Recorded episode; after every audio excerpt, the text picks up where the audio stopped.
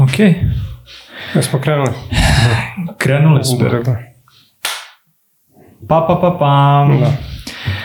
Dobar dan i dobrodošli u novu epizodu Zavad podcasta, podcasta o dizajnu digitalnih proizvoda. Kao i uvek sa vama Arsenije Ćatić i ova epizoda će biti malo specifičnija zato što sa nama nije drugi a, domaćin Dragan Babić, ali sa nama je duhom. Ovaj,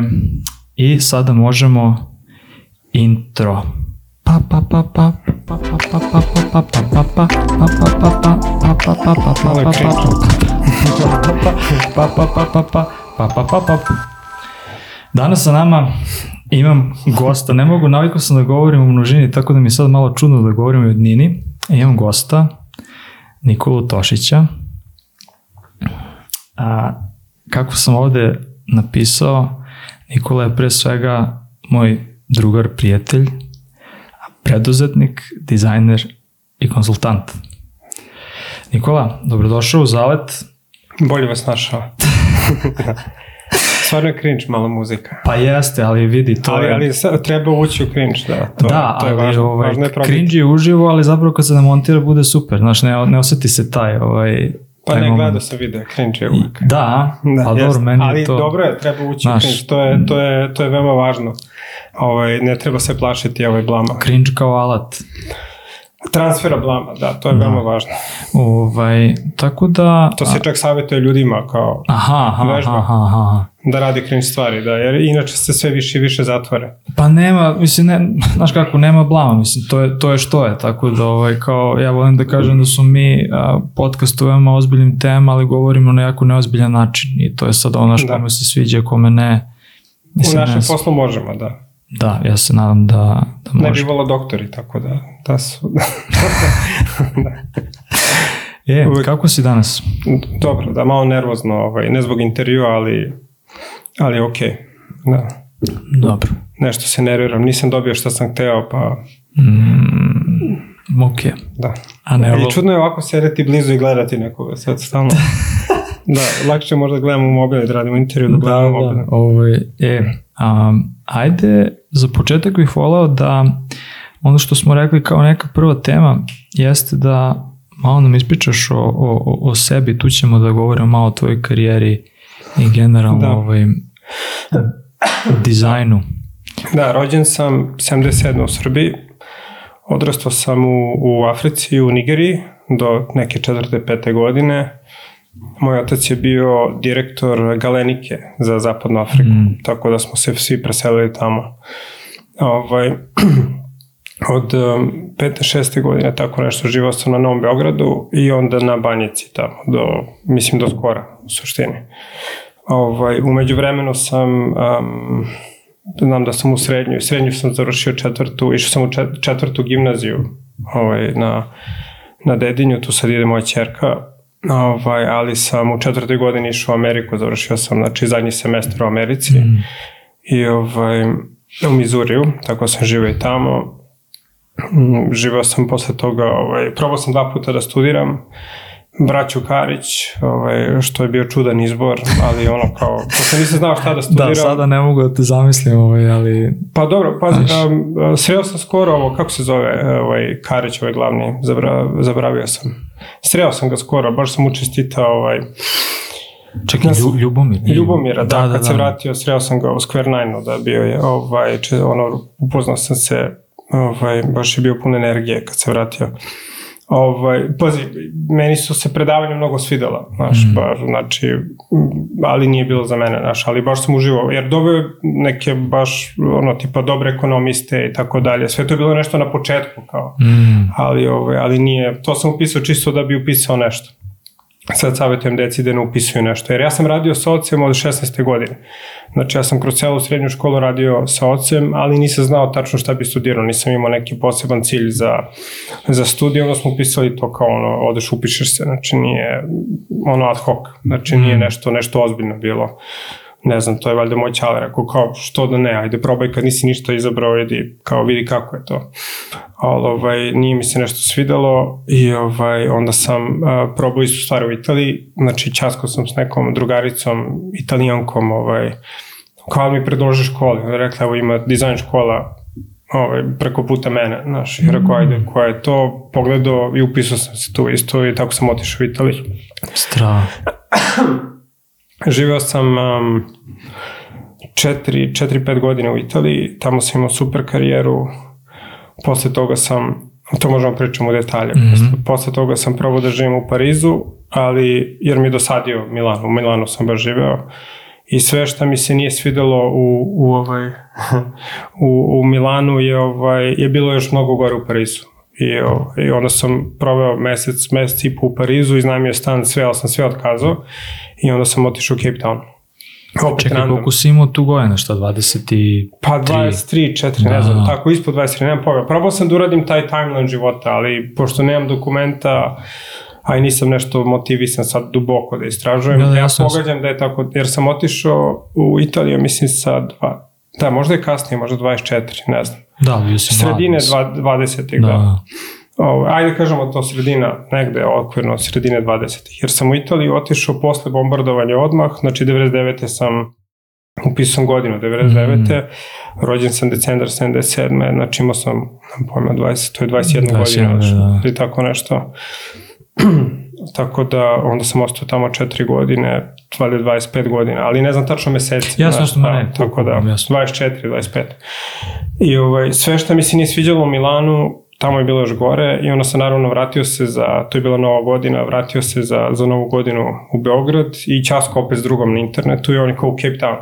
Mm. Kao, ja mogu da dođem. Kao, i do, kao ajde dođi, znaš. I onda sam došao kod njega u Cape Town i onda mi se mnogo svidao Cape Town. Naravno, plaža, sunce, cene veoma niske tada, to je sredinom 2000-ih, ja mislim, ovaj, um, ono, mnogo bolje od Pariza, gde ono, sve košta katastrofa. Mislim, ja sam našao već skoro posao tamo u nekoj ad agenciji, jer sam išao iz Italije kao kreativni direktor mm -hmm. sa dobrim portfolijom, već sam to sredio, ali nisam otišao na intervju, jednostavno nije mi se sviđalo da, da uošte tamo živim, jer je sve delovalo veoma ono, to su ti gradovi gde tražiš parking dva sata, da, ako da. zaradiš milion, potrošiš brzo. Kao New York. Pa da, mislim, meni, nije meni, je, meni je da. Pariz ono, evropski New York. Mislim, pa da, da, London, da. Pariz, Milano, to je sve, sve isto. I, ovaj, I onda sam baš zamenio, pa imao sam tu sreću da sam intuitivno, da je našao taj lik, taj drug Damijan je našao na, na, na, pojavio mi se na četu i ja kao ajde došao bi i random. Ovo tipa otišao sam u, u Cape Town, video kako je, i onda sam sledećih 6-7 godina bukvalno živio između Srbije i, i Cape Towna. Znači, e, zimi sam išao tamo, tipa 4, nekad 5 meseci, nekad manje od 4 meseca, i ovaj, a ovde poli, ovde si što isto išao po, po Evropi malo, jer sam trenirao isto i to mi je mm. bilo super da tamo treniram, ovde treniram. I ovaj, da, posle toga sam uglavnom ovde, i da, ja mislim, imam porodicu, troje dece, čerka um, 17 godina, um, uh, sin 12 um, i drugi sin 8 godina. Tako da, živimo u velikoj kući, morali smo da iznajmimo veliku kuću, da to mi je, pošto sam uvek bio u malom stanu, ono, na banjici, to mi je bila baza uvek, da, ali kad sam živio u Milanu, onda mi je to bio dom, I onda kad dođem u Beograd, mi je bilo kada sam turista, prešao sam na to, isto iz Cape Towna, kada god se vraćam, iako sam bio pola godine, mm. uvek je bio taj switch, ali eto, sada je nešto drugačije malo.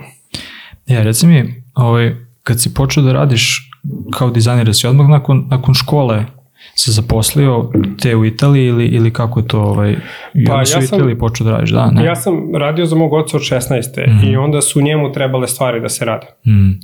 Ja sam krenuo za njega da dizajniram stvari. Prvo sam krenuo da dizajniram faksove njegove, pošto su bili mnogo ružni mislim, on je mene zaposlio da, ja, da um, moj otac je malo čudan, on nije koristio kompjuter, nije vozio kola.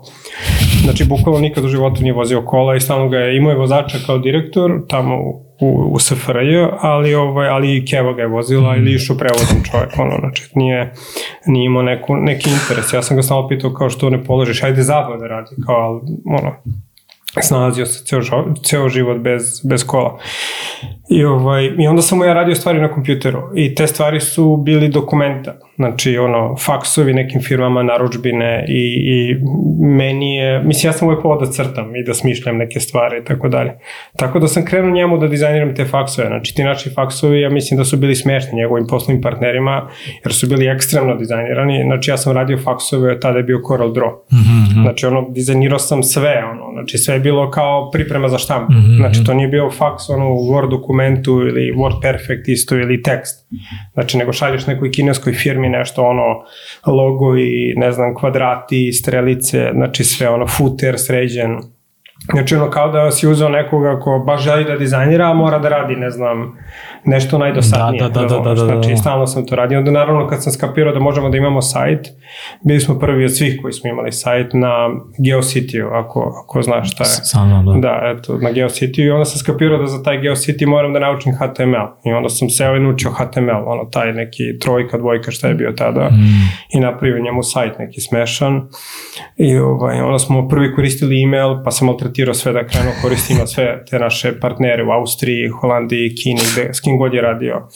Tako da mi je sve to bilo zanimljivo, znači, znači malo dizajn, malo taj consulting, i, ovaj, ali nisam nastavio da radim njegov biznis, mm ovaj, otišao sam da radim moj biznis. Znači, nismo se tu složili, ali, ovaj, ali eto, to od 16. sam krenuo da radim za njega.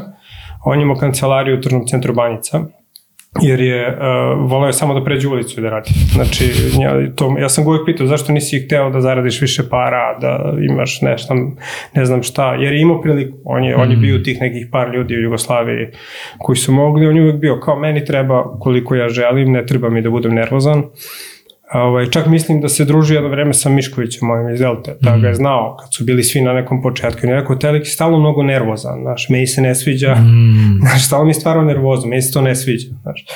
I ovaj, tako da, da, je, da, da je njegova ideja bila koju sad polako kapiram, tik pa kancelarija je bila preko puta, a on radi s ljudima koji su svi manje više cool, Pouzdani, s kojima i prijatelj da. i, i ovaj, radi par sati dnevno, vrati se kući, gleda futbal, ode radi nešto drugo, bude s decom i tada. Tako da to mu je bio cilj i on je to, to ispunio. I ovaj, dobro, za, možda je to jedan od razloga što nisam nastavio njegov biznis. Ovaj, zašto je bio više orijentisan ka lifestyle-u nego, mm. nego ovaj, njegovom lifestyle-u. Možda ili celom našem porodičnom. Ali ovaj, um, kako smo bili u tom tržnom centru, ja sam, kad, sam, kad su mi apetiti za dizajn prerasli to što mogu da radim za njega, taj faks tu i tamo, ili šta god, onda sam krenuo da žickam ljude tu po radnjama i da ih gnjavim. I znam da sam, da sam našao lika, ovaj, pošto je tu bilo, pazi, to je bio poslovni centar u, u sredinom 90-ih, znači sankcije pre bombardovanja, da. znači da. govorimo 94. i 5. Nemam, nemam pojma kada. Znaš, ne mogu sada da setim tačno. Posle rata, pre da, bombardovanja. Peta, šesta, da, da, da, to su ratovi što. Ja sam išao i tu u Žicko, kao kome treba logo, ajde ovo ću da uradim, znaš, pa ih posle objasnim da treba da me plate nešto, pa sam pa sam našao klijente preko interneta, znaš tipa u Americi, znaš tipa 98. 7. jer smo kupili neki server, morali smo server da kupimo, pa je na tom serveru bio forum svih ljudi koji su kupili taj server kao da se družimo, pa su tu bili ljudi koji su E, preprodavali dating e, sajtove, pa sam njima radio sajtove, to su mi prvi sajtovi koji se radi. Pazi, opet, to je 96. 7. nemam pojma, razumeš, znači neki ono početci ekstremni ovaj, tada i tu sam zaradio nešto tipa u ekvivalent 100 maraka, 100 eura da, da, da. i tako dalje. Ovaj, tako da, da sam imao, nekako sam volao to da radim, ali nikad mi nije bio cilj da, da sam uradim nešto vizualno. Mm. Jednostavno to vizualno mi je uvek bilo kao nešto lako, što možeš da razmeniš sa ljudima, ali sam uvek volao da pričam i dalje o tome. Znači, zato sam ti rekao, možda spomeneš konsultant, preduzetnik, mm. jer meni je dizajn alat. Znači, ja jesam dizajner, ali dizajn ja uvek vidim kao jednu od veština koju čovek ima. Znači, ne vidim kao sad to je... Mm, mislim, ja volim da definišem sebe kao dizajner, jer je dizajner, mislim, menjaš stvari, stvaraš vrednosti za druge, ali ne vidim taj vizualni dizajn nešto kao, kao ovaj, nešto ključno. Meni je važniji drugi, druga forma dizajna, na šta se dešava sa tim, šta želiš da ponudiš, koju vrednost nudiš, tako dalje. Da, to je ja u suštini sam veoma loš vizualni, znaš, ekstremno sam len da učim software, uglavnom stvari koje radim za klijente su takve minimalne jer mene mrzi da radim više. Znači, A. znači nisam kao ovi 60-ih su minimalni zato što su I to je bilo veoma teško da rade, ono, da. da, da. sa lenjirima i tako dalje. Ja sam uglavnom veoma, veoma lenj da radim, da radim stvari, jer, ali, sa, ali puno truda uložem da to ima neki smisao. Znači mm. ja se mm. fokusiram na to koju vrednost nudi dalje iskreno i tako dalje, a ono, da li to sad treba da ima neke senke i neke detalje, to me smara ekstremno. Nisam baš mnogo dobar u tome. Da, mislim da smo u jednoj epizodi podcasta čak i spomenuli da kod nas nekako kad se kaže dizajn uvek se misli na vizualno, uvek se misli na grafički dizajn. To je prva, prva ideja, prva misla. Pa da, da. A mislim da je izvorna reč zapravo i na engleskom kako, kako zvuči da, da je to dizajn može da uđe, i, da, da, znači i funkcionalnost i tako dalje, ne samo kako je nešto izdizajnirano, ne, ne, ne nužno samo kako izgleda, znaš, da, tako da... Pa, ovaj... italijansko mi je crtež, znaš, možda je zbog toga, ali nema veze, mislim, se, ono, ljudi mogu da shvate kako god, znaš, nađeš nekog ko shvati bilo koju reč na jedan način, pa se povežete s tim znanjem, s tim, sa tim značenjem, a neko nešto drugo misli, znaš, mm. mislim, uvek kad se koristi jezik, uvek moraš da izaš iza, Znaš, nego kaže dizajn, znači on dizajnira, treba mu neko da to uradi te operativne deo, što ja već radim dugo vremena. Ja dizajniram sada kroz email, mm. znači uglavnom, samo kad, znači ja bih volao da, znači toko sam dobar u tome, ja mislim i obučim ljude da rade sa mnom tako da ne radim to vizualno, ako ima uopšte nešto vizualno, znači mogu i procesi da se dizajnuje, sve može kroz email ako imaš dobar email sistem i dobro su obučene ljudi. Specijalno ako je agilna atmosfera, ovaj, tim ali ovaj, taj, taj, znači neko, nekome je kao ja radim dizajn, ali mi treba dizajner da mi uradi operativno mm. to ili, ili onda kaže što je titula dizajnera, on radi taj zadnji korak da to zapakuje dokumentaciju, što isto ima detalje neke, ali pravi dizajn je ovaj, stvaranje vrednosti, znači stvaraš dodatnu vrednost na nešto što već postoji, Znači, da li na vreme ljudi, na rudu, ne znam, metal, da li na stan, šta god. Ili, sa druge strane, može se objasni kao ovaj, stva, prinošenje vrednosti nauke inženjeringa generalnoj populaciji. Mm. Jer naučnici, filozofi, inženjeri, Znači oni rade najveći posao, znači oni skapiraju najvažnije stvari, ali kako koristiti te stvari? Znači oni ne mogu da to zapakuju, da to, da to bude korisno svakodnevnim ljudima. Tako da dizajnere, ajde tu neku grupu ljudi, oni rade taj ekstremno važan posao kad se to zapakuje za generalnu publiku. Jer ako imaš inženjera neki, znači imaš milione odličnih naučnih radova, znači opet ne svi, daleko od 100%, ali tu su još uvek milione. I sve to veoma to je validno znanje, to su veoma važne stvari i sad koliko dizajnera zaista napravi proizvod bazirano na tome, uopšte i pročita mm. to. Znaš, znači, naš posao je da stalno znamo šta ima novo i da pravimo proizvode. Mislim, kao i preduzetnici, pa šta prođe, prođe. Znaš, da, misliš kao, kao neko prevođenje iz nečeg što je, reći ću, obskurnije u nešto što je opšte opšti? Pa, ako, ako mislim, naučnik... obskurniji u smislu kao za neku određenu populaciju za nišu, mislim, ja koliko znam naučnici... Ne, ne, ne, nije to, ne, ne. Naučnici kad nešto naprave, oni dokažu da je nešto tačno naučno. Znaš, tipa, evo, daću ti primjer koji je lak u sportu, um, na primjer, ako neko uradi test na nekom fakultetu da na 30 amatera, ako uzimaju nešto, razumeš, onda će imati bolji rezultat, onda će brže smršati ili šta god, brže će da se oporaviti. I sad, ti, on napiše taj rad i on dalje nema šta da radi, mm. on je napisao rad, to da, je da, da. kraj. Kao li šta sad s tim? Pa da, i sad neko, da bi to zaista bilo korisno 100 miliona ljudi na svetu koji trče, mi preduzetnici, dizajneri, znači manje više u mojoj glavi ista stvar, treba da uzmeš to, da razumeš taj rad i da od njega napraviš uh, proizvod. Da. Razumeš, znači da od njega napraviš nešto, dalje izotonik, dalje metoda treninga, dalje veštačka inteligencija, šta god. Znači moraš da uzmeš tu ideju koju je napravio taj naučnik, koji je proveo vreme i novac da se bavi time da to otkrije, da to prebaciš. Da. E sad, nekada i naučnici naprave proizvod, nekada i oni su onda u tom slučaju dizajneri, znači dizajniraju proizvod, stvaraju vrednost za genom populaciju, jer sam naučni rad ili inženjersko otkrovenje ili filozofski rad ili šta god nije proizvod. Znači, da. ti ne, možeš da, ne mogu da ga koristim. Znači, tipa, znači, u ovom mobilnom telefonu ima ne znam koliko hiljada naučnih otkrića, ali dok ga firma neka nije zapakovala, neki tim dizajnera, neki preduzetnik, investitor uložio novac u to. I sad mm. pitanje je koliko još stvari ima koje nisu došle. Znaš, mislim, mm. za svaki proizvod koji uspeo ima ono groblje hiljadu ono, naš, proizvoda koji su probali, naš, ali tako funkcioniše, to treba stalno pokušavati i to je posao dizajnera, to neko ko stalno pokušava ko stalno stvara tu dodatnu vrednost ili prenosi, znači e, stvara vrednost od, od nečega što već postoji. Dalje, mm. na primjer, ako imaš stan to sad smo u stanu, da ovaj, ti možeš da, da, ga, da, da ga dizajniraš, da ga reklamiraš, to je sve dizajn i da mu povećaš vrednost. da, re, da dizajniraš i reklamiraš, promovišeš ceo kvart, svima podigneš vrednost itd. itd.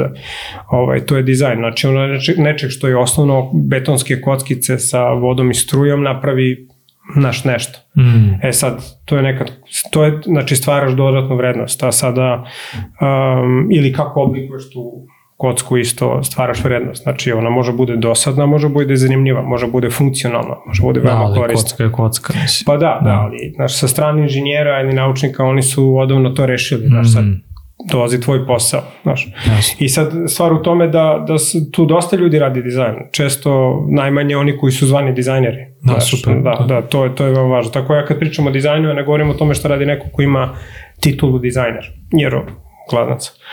Jer obično oni Pa oni koji rade, koji, koji imaju titulu dizajnera, oni rade operativno nešto na, na kraju toga, ali nemaju toliko odlučivanja mm. u dizajnu. Znači ne donose dizajn odluke.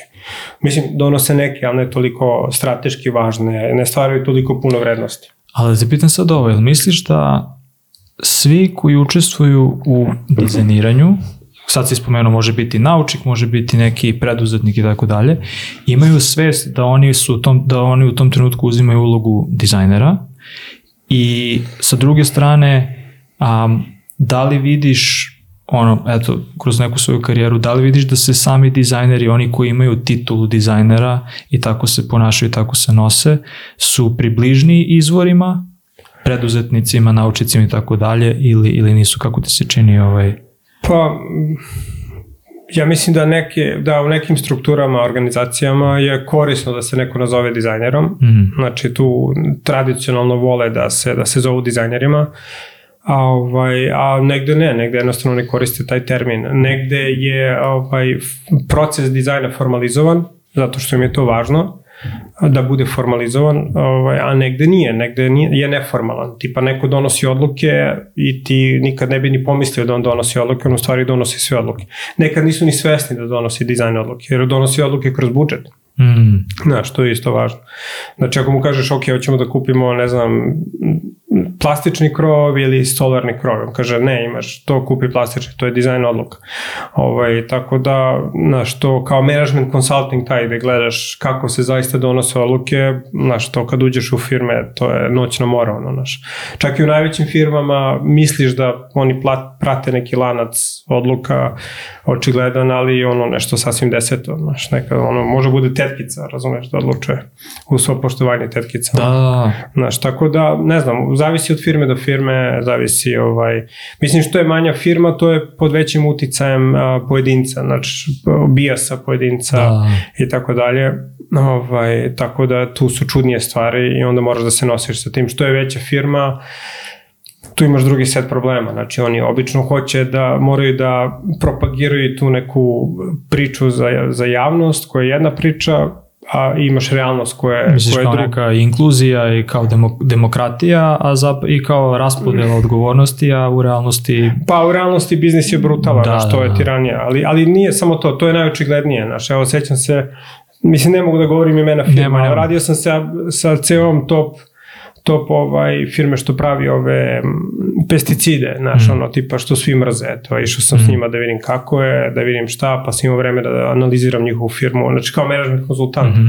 a ne I ovaj čovjek mi je jednostavno rekao, znaš šta Nikola, mi najmanje zarađujemo od onoga što ti misliš da zarađujemo. Mislim, to je najlakše objasniti, on je lepo. Mislim, to svi znaju da nijedna firma nije onako kakva jeste, ali nije samo to da se pretvaraju da su to inkluzivne, nego ima, znači to ide veoma daleko, znaš, ono, dosta firmi ima veoma drugačije načine funkcionisanja o, toga kako je predstavljeno. I onda sad kad uđeš u to da vidiš kako se donosi dizajn odluka, Znaš, to je ono, naš specijalno ako imaju neke proizvode koji su tu možda 50 godina, znaš, ili tako nešto.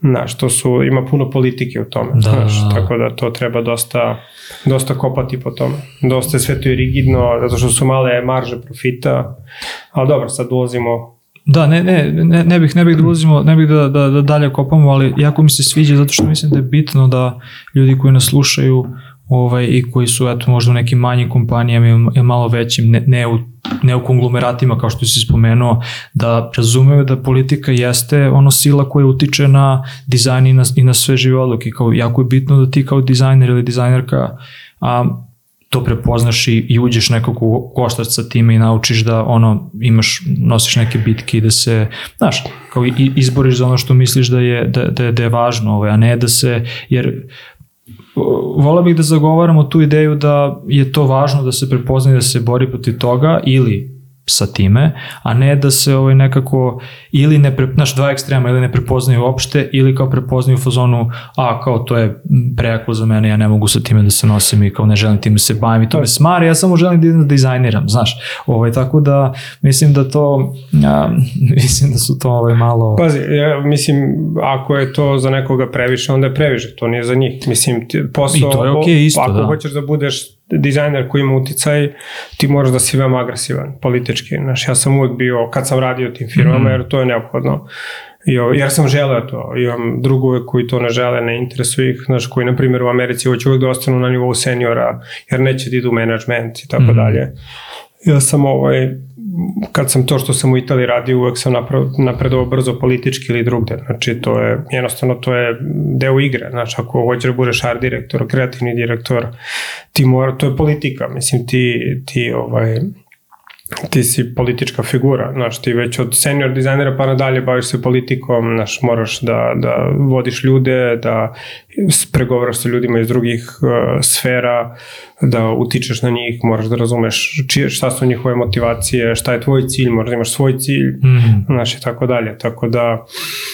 Znaš, to je, ako, nekog, ako ne, to nije za nekoga, to je okej, okay, mislim, šta Recimo, je, to, je ali to... je neophodno ako hoćeš da radiš na višem nivou. Ali znaš. to uvek, a, to uvek a, podrazumeva da si ti ono neki arogantni drkađija i ono, Pa da, zato što ljudima s kojima si u konfliktu to tako deluje, mislim. Ja sam često, kad bi, na, kad sam krenuo da, ajde da objasnim šta sam radio u Italiji, ja sam To sam otišao, to što da ćete pitam. Da, da, ja sam otišao studiram, u školu, institutu Repa dizajn, mislim, izvinjavam se svim u toj školi, ali škola je bila toliko glupa da sam postavim pismo za mesec dana da mi vrate pare i naš sam posao. Znaš. Meni to bilo glupo da idem. I glupi od braća Karića. Ovo, ovaj, mislim, ne znam zašto sam uopšte išao u te škole. Jer generalno volim da čitam, imao sam dobre ocene, ali nisam imao cilj. I onda, mislim, ja sam volao da radim dizajn i u tom, ja sam tad već radio ok, digitalne stvari, bio sam digitalni umetnik i ono je bilo glupo, trošim vreme u, u toj tim takvim školama, ali eto, probao sam dva puta reda radi.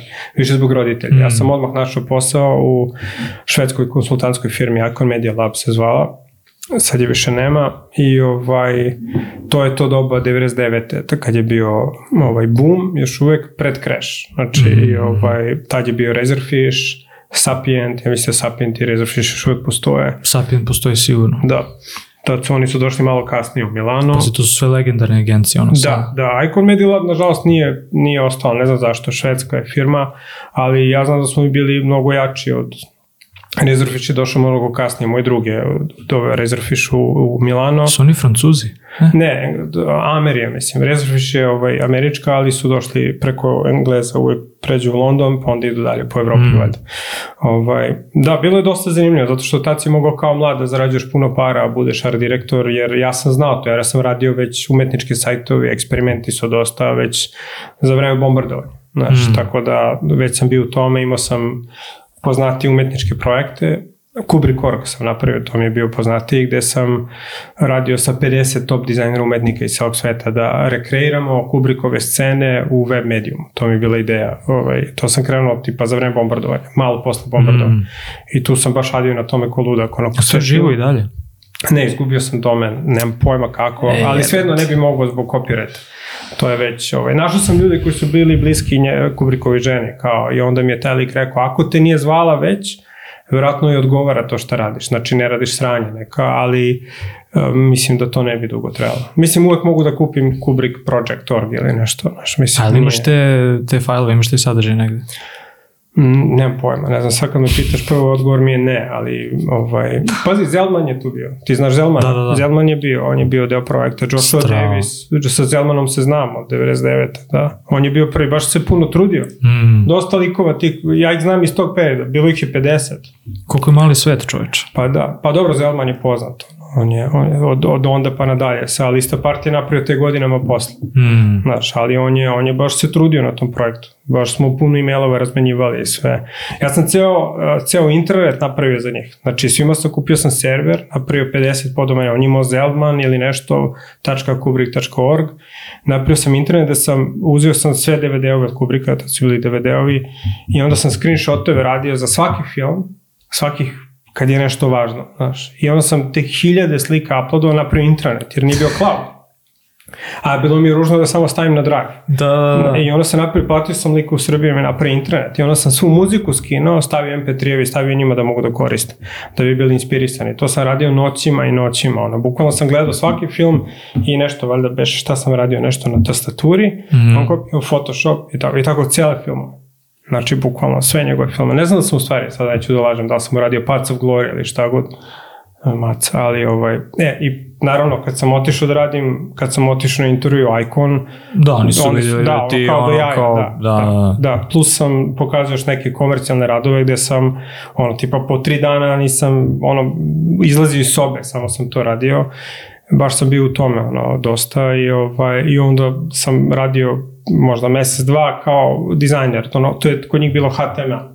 I onda sam brzo prešao, znači za, već drugog meseca kao art direktor. E, samo e, e, jedna opaska, izvini. Ali, pazi. ali samo da objasnim šta, Aha. šta je ključna stvar, pošto sam pitao za politiku. A, a, šta, kako sam se probio do toga? Znači, ja sam bukvalno upao na sastanke.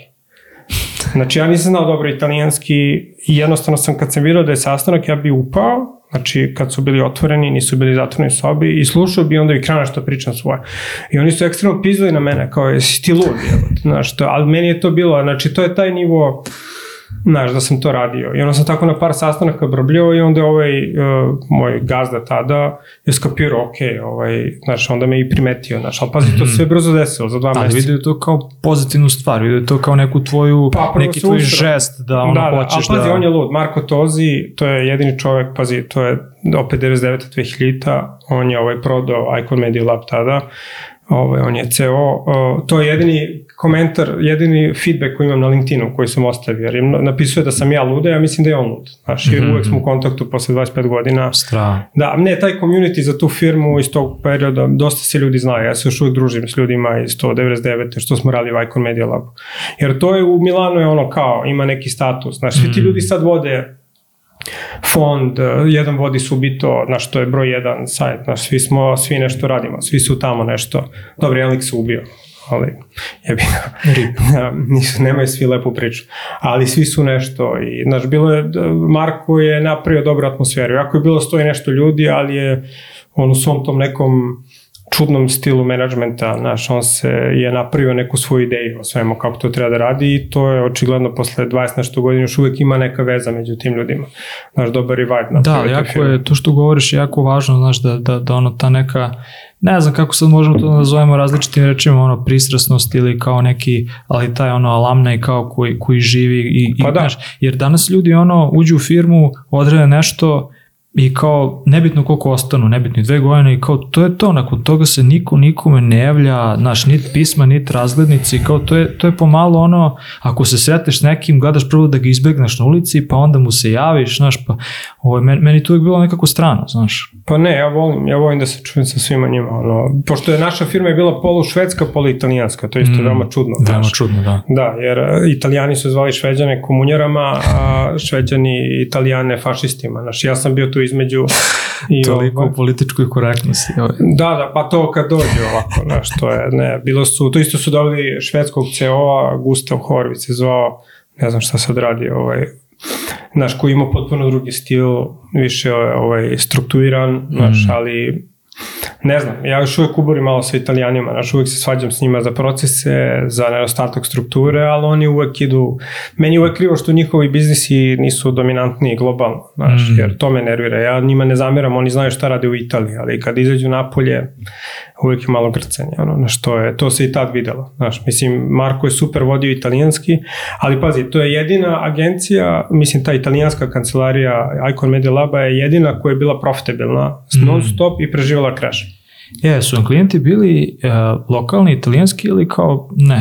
Pa imali smo, ja mislim, ja se sećam samo da smo dobili pitch jedan veliki za, za, za neku farmaceutsku firmu, tu koja je bila merger nešto, kao novi brand i onda smo dobili sve to da radimo neki ogroman ono, ugovor, ali pazi, italijanske firme s kojima smo radili bila Ferrari, znači, mm -hmm. znači to je dobro, ja sam radio na Pirelli, Strava. Pirelli multimil... Znaš, imaju oni dosta ovih velikih brendova, znaš, dovoljno za 20 agencija da rade, znaš, konstantno, razumeš, to je, to je u nedogled. Ima, u Milanu ima strašno puno posla, samo što je to malo sakriveno zbog jezika. Mm. Znaš, čak mislim da je bolje nego Amsterdam, Amsterdam, Pariz, London i tako dalje, meni se više sviđa. Ja bi uvek pre, ako se vraćam u taj biznis sa tim tipom brendova, da uvek bi radio tamo, zato što ovaj, ne znam, ovi drugi mi deluje naš previše, to jest ne znam, jednostavno ne znam zašto bi mi smetalo, pošto znam da imam i drugove svuda koji rade um, manje kreativno. Znači, mm. Milano mi deluje da ipak jako radiš za te firme i pratiš sve te procedure da su ipak italijani uvek malo onako ludi. Smeli, aha. Da, malo su luđi, onako uvek to negde izađe, znaš, to je, mm. to je mm. uvek dobra stvar. Tako da volim sa njima da radim, da uvek mi je zabavno. Onako. Malo je patnja, ali malo i zabavno. Mm. Ali mora jezik da se zna, to je ko Japan, ono, znači, znaš, sa engleskim dođeš samo do negde. Iako smo radili, ono, tu su bili Nemci, Šveđani, Rumuni, Kinezi, mislim svi su bili, ali opet, ako hoćeš baš da pričaš s klijentima, moraš, moraš da znaš ovaj, politički, moraš da znaš, tako da uvek se trudim da učim jezik kad odem negde, znaš, barem nešto, znaš. Ne volim te likove koji idu po svetu i samo engleski, znaš, mm. to mislim da nije dobro. Da. Mislim, dobro je do neke mere, znaš, ali definitivno imaš limit, znaš, znači, da, možda da. budeš uspešan, ali, znaš, to je limitirano, nemaš puno iskustva, nema, nemaš da dođeš do nekog višeg cilja, znaš, možda budeš operativan. Mm Naš engleski je operativan jezik, on nije jezik baš da sada naš od osta delova sveta ne možeš baš duboko da uđeš. Mm Mislim, u Italiji pričaju engleski naravno, ali naš uvek ima limit, naš da, koja, ja da. mislim i verovatno i u Francuskoj i tako dalje, naš uvek možeš da završiš stvari, ali ne možeš da se povežeš, da. Da, tako da učenje jezika za dizajnere, ja mislim da je definitivno veoma važno. Ovaj. E, reci mi onda nakon, nakon Icon Media Laba? Pa da, ostao sam tamo nekih možda godina, skoro do godinu dana, što je za mene čitava večnost bilo u tom periodu. Ovaj, mislim, došao sam do maksimuma i nemam šta dalje tamo da radim. Mislim da i njima i meni bilo jasno da ok, treba nešto drugo da radim. I, ovaj, i onda sam ovaj, vozio sam s nekim drugim, drugom iz Austrije i po, ajde stanemo da vidimo fabriku od Benettona i valjda sam im poslao CV i uradio sam intervju sa tim Britancem Andy Cameronom i dobio sam posao. Mm.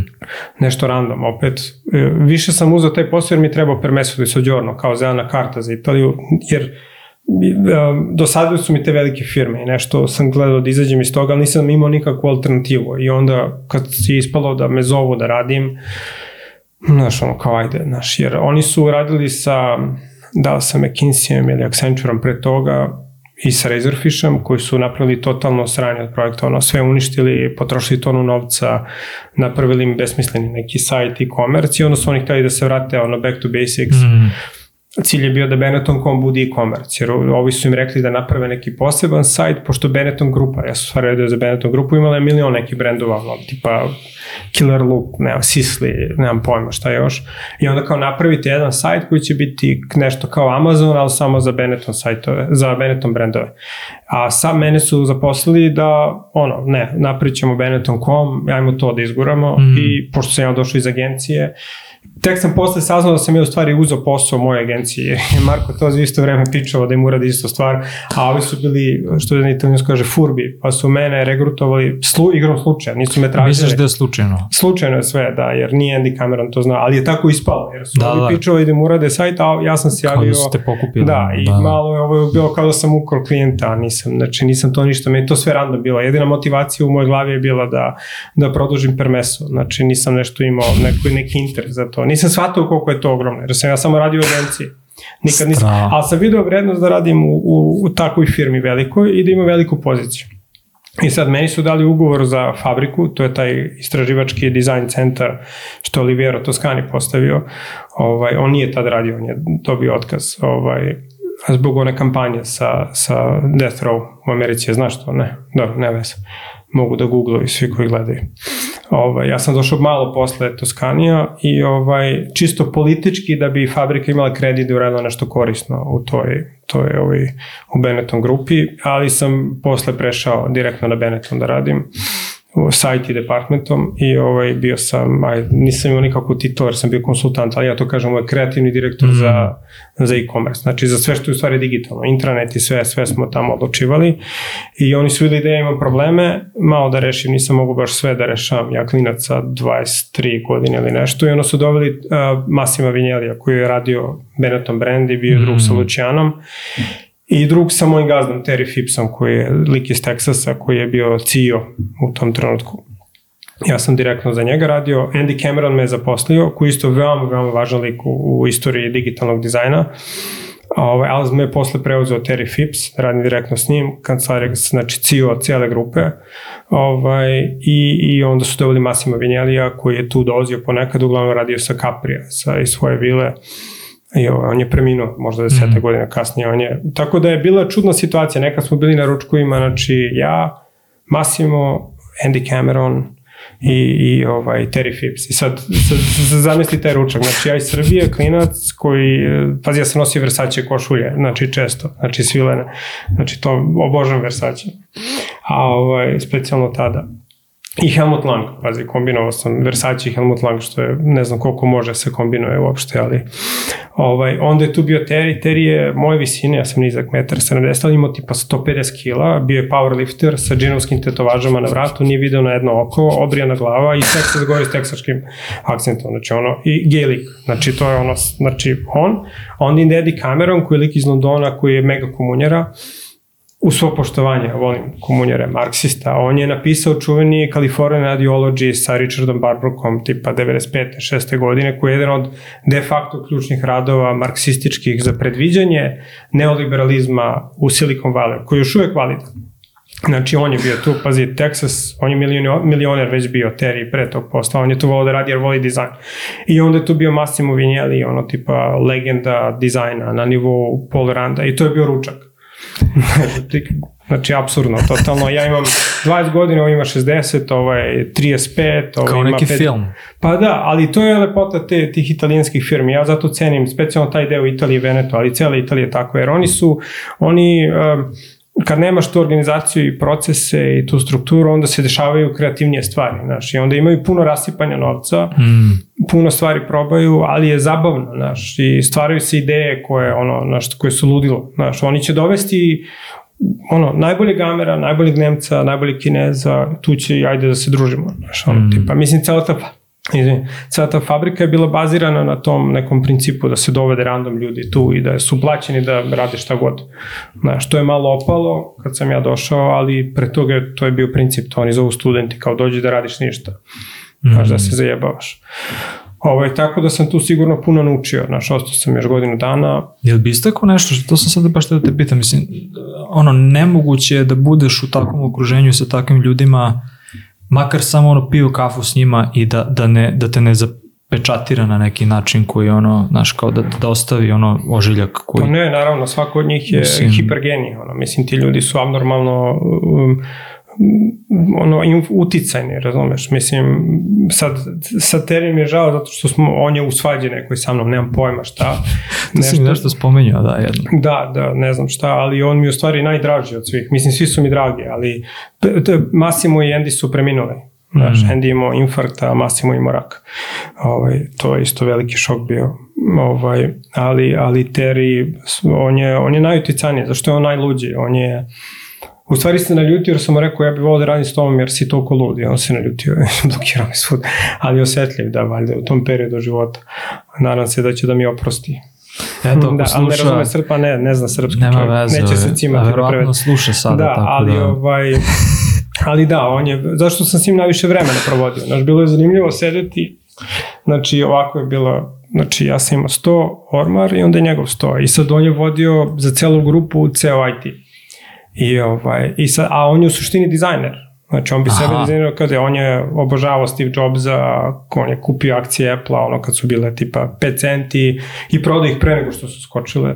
Znaš, on je oblačio se svaki dan isto, znaš, imao je, on je naručivo, ono, tipa, ne znam, kutiju istih pantalona. Znači, proba jedno, onda kupi 20 i to je to. Znaš, stalno je isto sve radio i volao je to. Volao je Dietera Ramsa, Steve Jobsa, Apple, on je obožavao sve to. To mm. je bio i njegovo to što je on došao da bude IT, to je bilo, znači sad će onda propagira tu ideju dizajna i sve radio A, čudno. okej, okay, okej, okay. zato što sam ja bio skonto kad sam mi prvi put pričao o tome da, da je on zapravo IT lik i da, naš pa kao... da, jeste, on je sve, ne znam, aha, čudno nešto, aha. znaš, on si tu politički malo, malo ušao, on sigurno nije tipičan IT, ali ne znam, to je sve čudno, znaš, pazi, on imao enormni budžet za to vreme, to je mm. nešto preko 20-30 miliona eura, tako 2000-te, 20 neke, to je sad ko da imaš 100 miliona eura budžet za IT, znaš, to je, pazi, Fuck. to je cela grupa, to je 100.000 zaposlenih, to je puno brendova, Znaš, tad je, na primjer, on se bavio time da uvedu RFID u magazine, pazi, da mogu da trekuju svu odeću, pazi, za Benetton je to ono, znaš, znaš pazi, to je taj, enormno. I te, ta tehnologija je tad bila preskupa, ono, znaš, da, da tako da, da, onda sve... šta je radio? Hteo je, maltretirao je, ja mislim,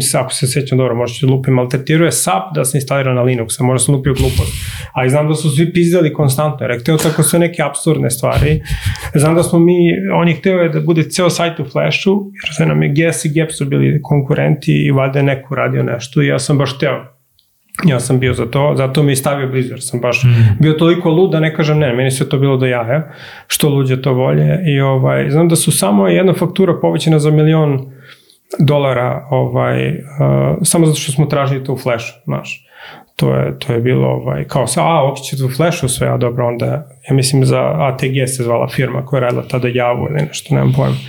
Ovaj, išli smo da se vidimo sa, eh, u Amsterdam sa CTO-om Akromedije pre nego što je, da, s njim smo da, se da, upoznali, da, da, išmo da, da, kao, da. jer smo hteli, kad je on čuo, kad je Makromedija čuo da hoćemo da uradimo Benetton.com sa flashom na tom nekom mhm. šta god javi, šta god, sve to što je čuo što ovaj ludak radi, onda su oni kao, dajmo da se vidimo, znaš, tipa, pa to, je, to je sve ludilo, znaš.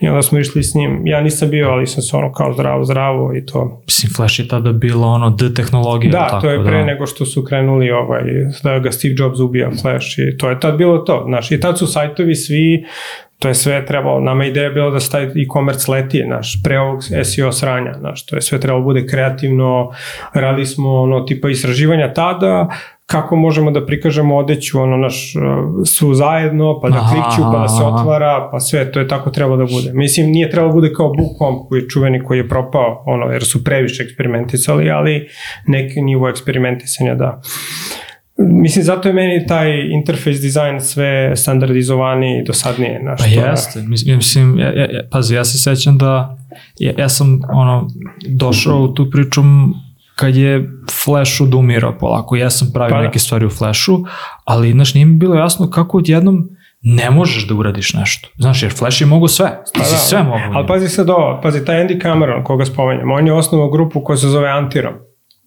koja je smislila Swipe i sve na, sa ovaj, makromedija, kako se zove onaj software pre Flasha, direktor. Yes. Oni su radili na CD-ROM-ovima, još pre sajtova, sredinom 90-ih. I oni su prvi te stvari mislili, mada oni kažu, videli smo to kod nekih likova, sad opet ću možda lupim koji su radili C++ ili nešto. Mm.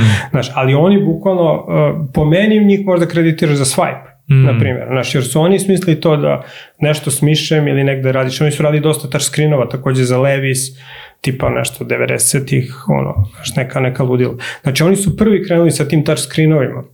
Jer tu su krenule te ideje koje sad imaš na mobilnom. Jer mi smo isto istraživali te stvari u Benettonu, kao ajde da pređemo i na touch screen, da stavimo u sve radnje. Opet, pazi, Benetton je sad onako nije nešto firma, razumeš, sad ja mislim milijardu ili nešto obrata. Oni su tad imali 12-13 milijardi, što je, znaš, to je sada kao pola od Google a ili nešto, mm. razumeš, znači ako pogledaš inflaciju i sve, bili su u top 100 brendova na svetu, a od casuala, ja mislim prvi ili drugi, od casual fashiona, razumeš, za te da, godine kad da. pogledaš, Znaš, ovaj, baš su bili dosta jaki. Ja mislim da je samo jedne godine bio cilj 300 megastorova da otvore, što je ono ludilo. Znaš. To su ti njihovi monobrand veliki sto, storovi. Tako da, ovaj, znaš, taj Andy Cameron isto zrimlje trebaju gledalci da, da potraže antirom.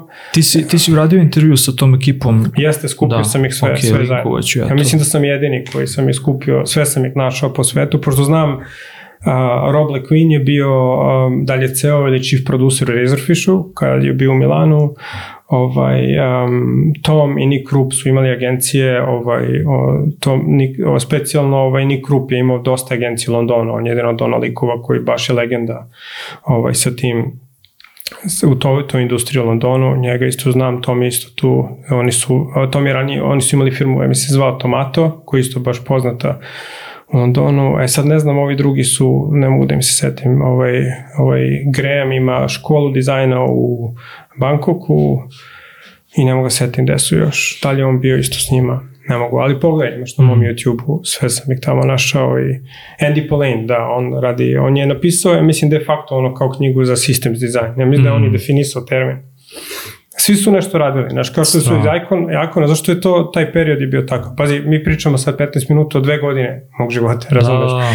Znači, svašta se tu, to je toliko bilo produktivno, ta 99-a, 2000-ta, ovaj, i da, znaš, to, toliko su, svi ti ljudi koji su tu skoncentrisani, znaš, i to je, i to, i to je bilo normalno da dovedeš nekoga bilo gde iz sveta i on odmah dođe, integriše se u tim i radiš neka ludila, znaš, sa nekim absurdnim budžetima, pa šta bude, bude. Da. Znaš. Sada sve ovo je previše efi, efikasno. Znaš, to je. Mislim, nije problem da imaš templateove i sve. Znači, template sam po sebi, efikasnost nije problem, ali ljudi se zanesu sa efikasnošću i ne nude nove vrednosti. Tada stvarno su razgovori u tim firmama da sam ja bio su uvijek bile o vrednosti. Mm. -hmm. Znaš, ljudi su bili otvoreni da razgovaraju o vrednosti, znači nečem novom, da stvoriš vrednost. Jer povećavanje efikasnosti po meni ne stvara vrednost, ti samo daješ istu vrednost možda na tebi jeftiniji način da kako bi zaradio više. Naš efikasnost nije, nije vrednost. Naš, tipa to je, znaš, ako imaš nešto brže da napraviš u firmi, šta customera to interesuje. Znaš, on opet da. dođe na istu stvar. Znaš.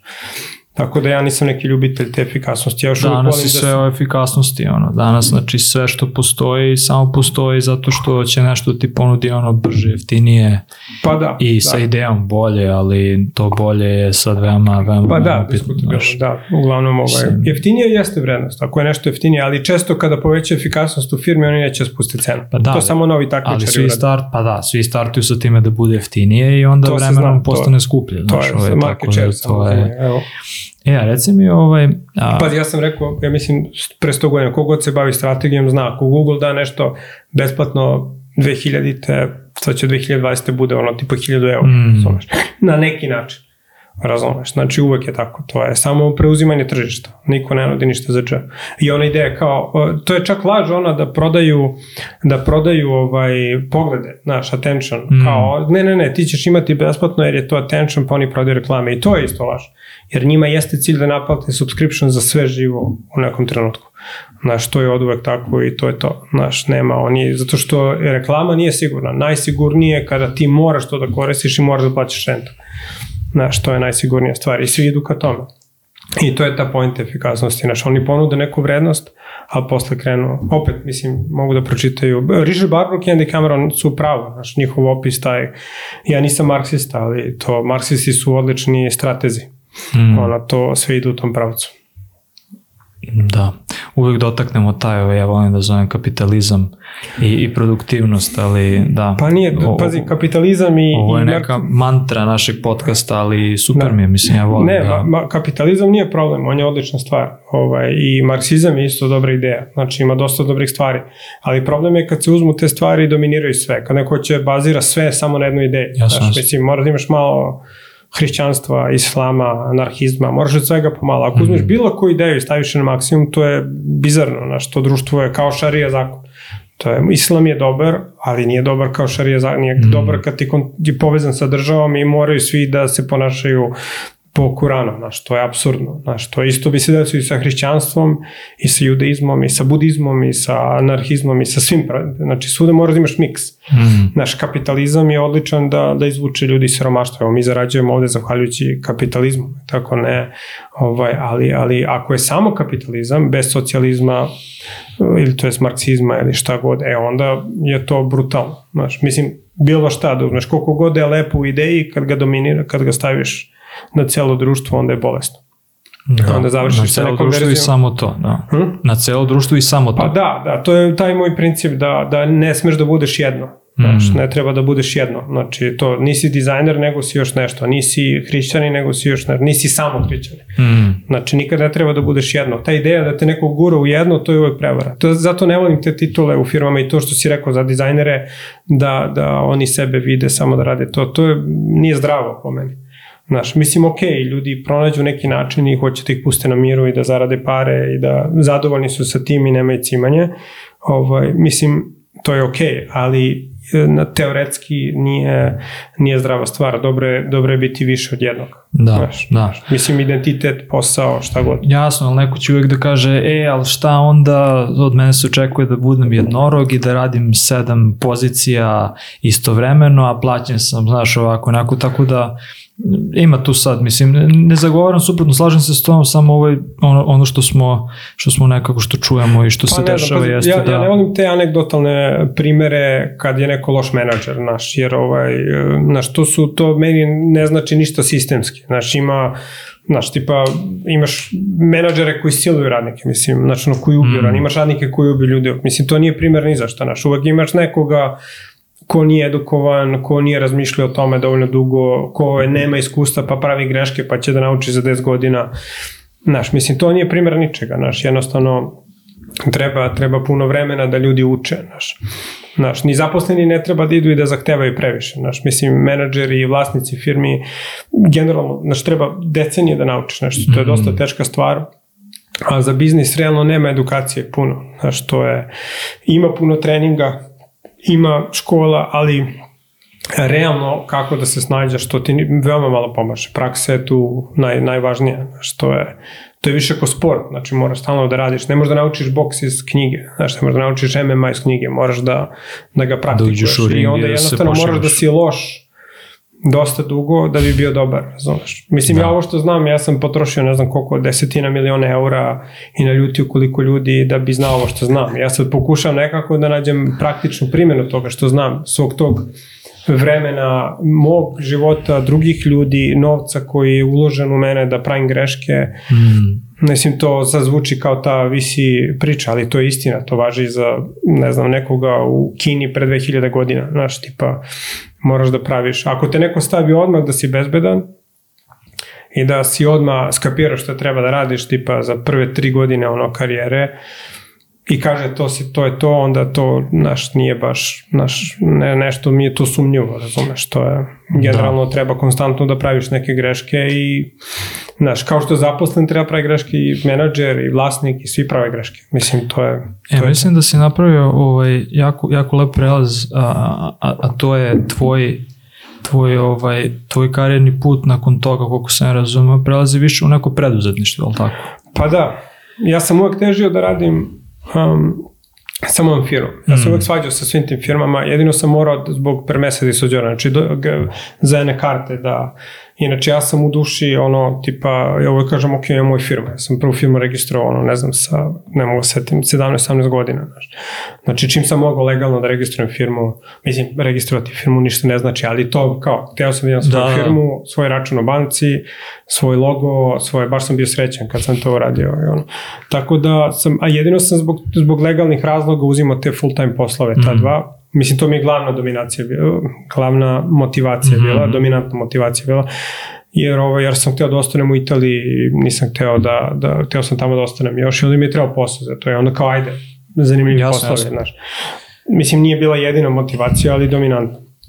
Ali ovaj, uvek sam težio da, da poslujem, znaš, mislim, nešto, pazi, meni ulazak u te firme uvek bio nešto drugo da radim s tim firmama. Ja sam krenuo da radim druge biznise i s tim firmama i krenuo sam i u Benetonu, ovo sam probao da radim, mislim, sad da ne ulazim u detalje, da. definitivno sam smarao tamo ljude ekstremno, znači, ja sebe vidim ko prodavca i preduzetnika, znači, volim da radim dizajn, ali ako vidim da mogu da rešim druge probleme, ja ponudim transparentno i onda krenem da gradim od toga, znači, nisam, nisam bio stilju po tom pitanju. Ovaj, I uvek sam hteo kada se opuste da naplaćujem na moju mm. firmu, ne da budem zaposlen. U Benetton sam tražio da radim mesečno, od 4 da radim, jedno da ne radim, jer imam svoje druge stvari da radim. Znaš, da li istraživanje, da li eksperimente, da li putovanja. Mislim, ja sam stalno išao u Francusku, isto volim Francusku, tamo imam dobre drugove, ovaj, što je zanimljivo. Iznenadio me drugi jedan s kojim sam često isto se vidim u, u Montpellieru.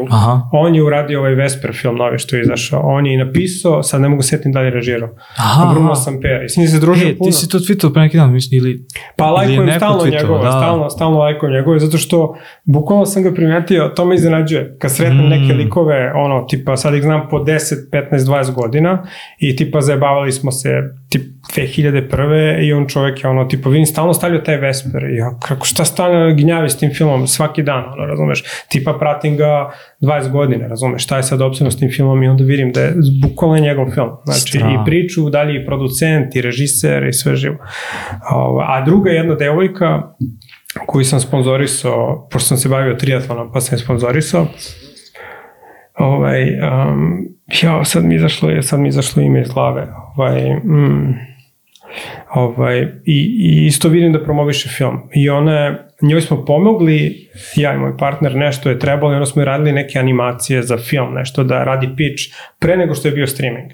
Znači, mi pokazala mi te prezentacije u Hollywoodu za, ona je škotkinja koja je radila kao trener da zaradi pare u Hollywoodu, trenirala je ove glumce i mm -hmm. ne znam mhm. koga, ali imala ambiciju, kupila je pravo na, na jednu knjigu i htela je da, da, da to uradi. Pazi, ja sam s njom, ja mislim, imam mail, gledao sam im 2010. 9. nešto možda i ranije.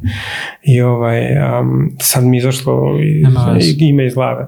Sad ne mogu, jako da, ovaj, i, i, i, i Znači, ono vidim opet deli neki film, nešto stalno priča, vratila se na taj film i skapiram da je ona dobila sada Oscara, tako za All Quiet on Western Front. Mi smo radili na tom filmu tipa pre, ne znam, 15 godina, nemam pojma, 14 godina smo radili animacije i pomagali da napravi prezentaciju za, za investitore u film i onda mi je objašnjavala kako DVD-ovi funkcionišu i onda potpuno razumem da nije mogla tada prodati. Znači ona bukvalno 10 10 godina je stajala, vada morala znači, da, da drži prava na tu, da. Na, na tu knjigu. Ona je kupila izletela iz nekog randoma, razumeš. Pazi, to je škotkinja, triatlonka, svetska prvakinja u triatlonu.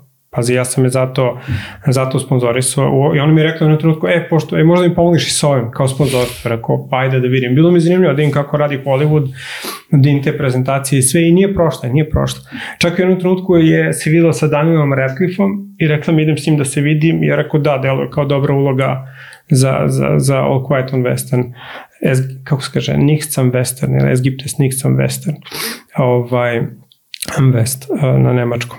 I, ovaj, i pitala me koji mi je omiljeni režisar, koji bi mi bio idealan. Ja mislim da sam rekao, ne Peter Greenaway, ne mogu sad ni tog imena sve, pošto imam previše imena u glavi i onda ne mogu da setim. Ali to mi je zanimljiva priča, to dvoje, koje sam upoznao random, naš tip pred 15-20 godina i radio s njima, pitali su za pomoć, nešto ćaskali i sada jedan je uradio taj ves, kako se zove, Vespen ili ili ovaj, Vesper. Vesper, da, Vesper A. i on je uradio Low on Vesper. Znači, to su priče da sam vidio nekoga čeka tipa 20 godina, ima ideju, i čeka, i čeka, i čeka, i ćuti, i znaš, ono, tipa radi milion drugih poslova, znaš, i, i odjednom, ono, vidiš ih, ono, krene na Twitteru, ono, da. red da, da. carpet, slike sa glumcima, znaš, i onda opet se vrate za tri meseca na staro, ono, znaš, tipa u svoj gajbi, ono, znaš, gunđanje, razumeš. Ali, ovaj, to su mi zanimljive priče. E, a, da, to je, ne, očekivao sam da će, da će zaplet biti tako da ona i ovaj je lik koji je napravio Vesper, da su se oni povezali nekom magijom i kao... Pazi, nikad mi to nije palo na pamet. I bio sam u fazonu, brate, da li je moguće, razumeš? Ne, ne, ne, to mi nije palo na pamet, to moram, to ću sad da uradim danas. Majke mi, to mi nije palo na pamet, mislim da ih imam na svim mrežama, samo nemam, ne znam da li, od, da li imam ove ovaj, emailove još uvek, ali ih imam svuda. E, oj. To mi nikad nije palo na pamet, ja znam kako mi to...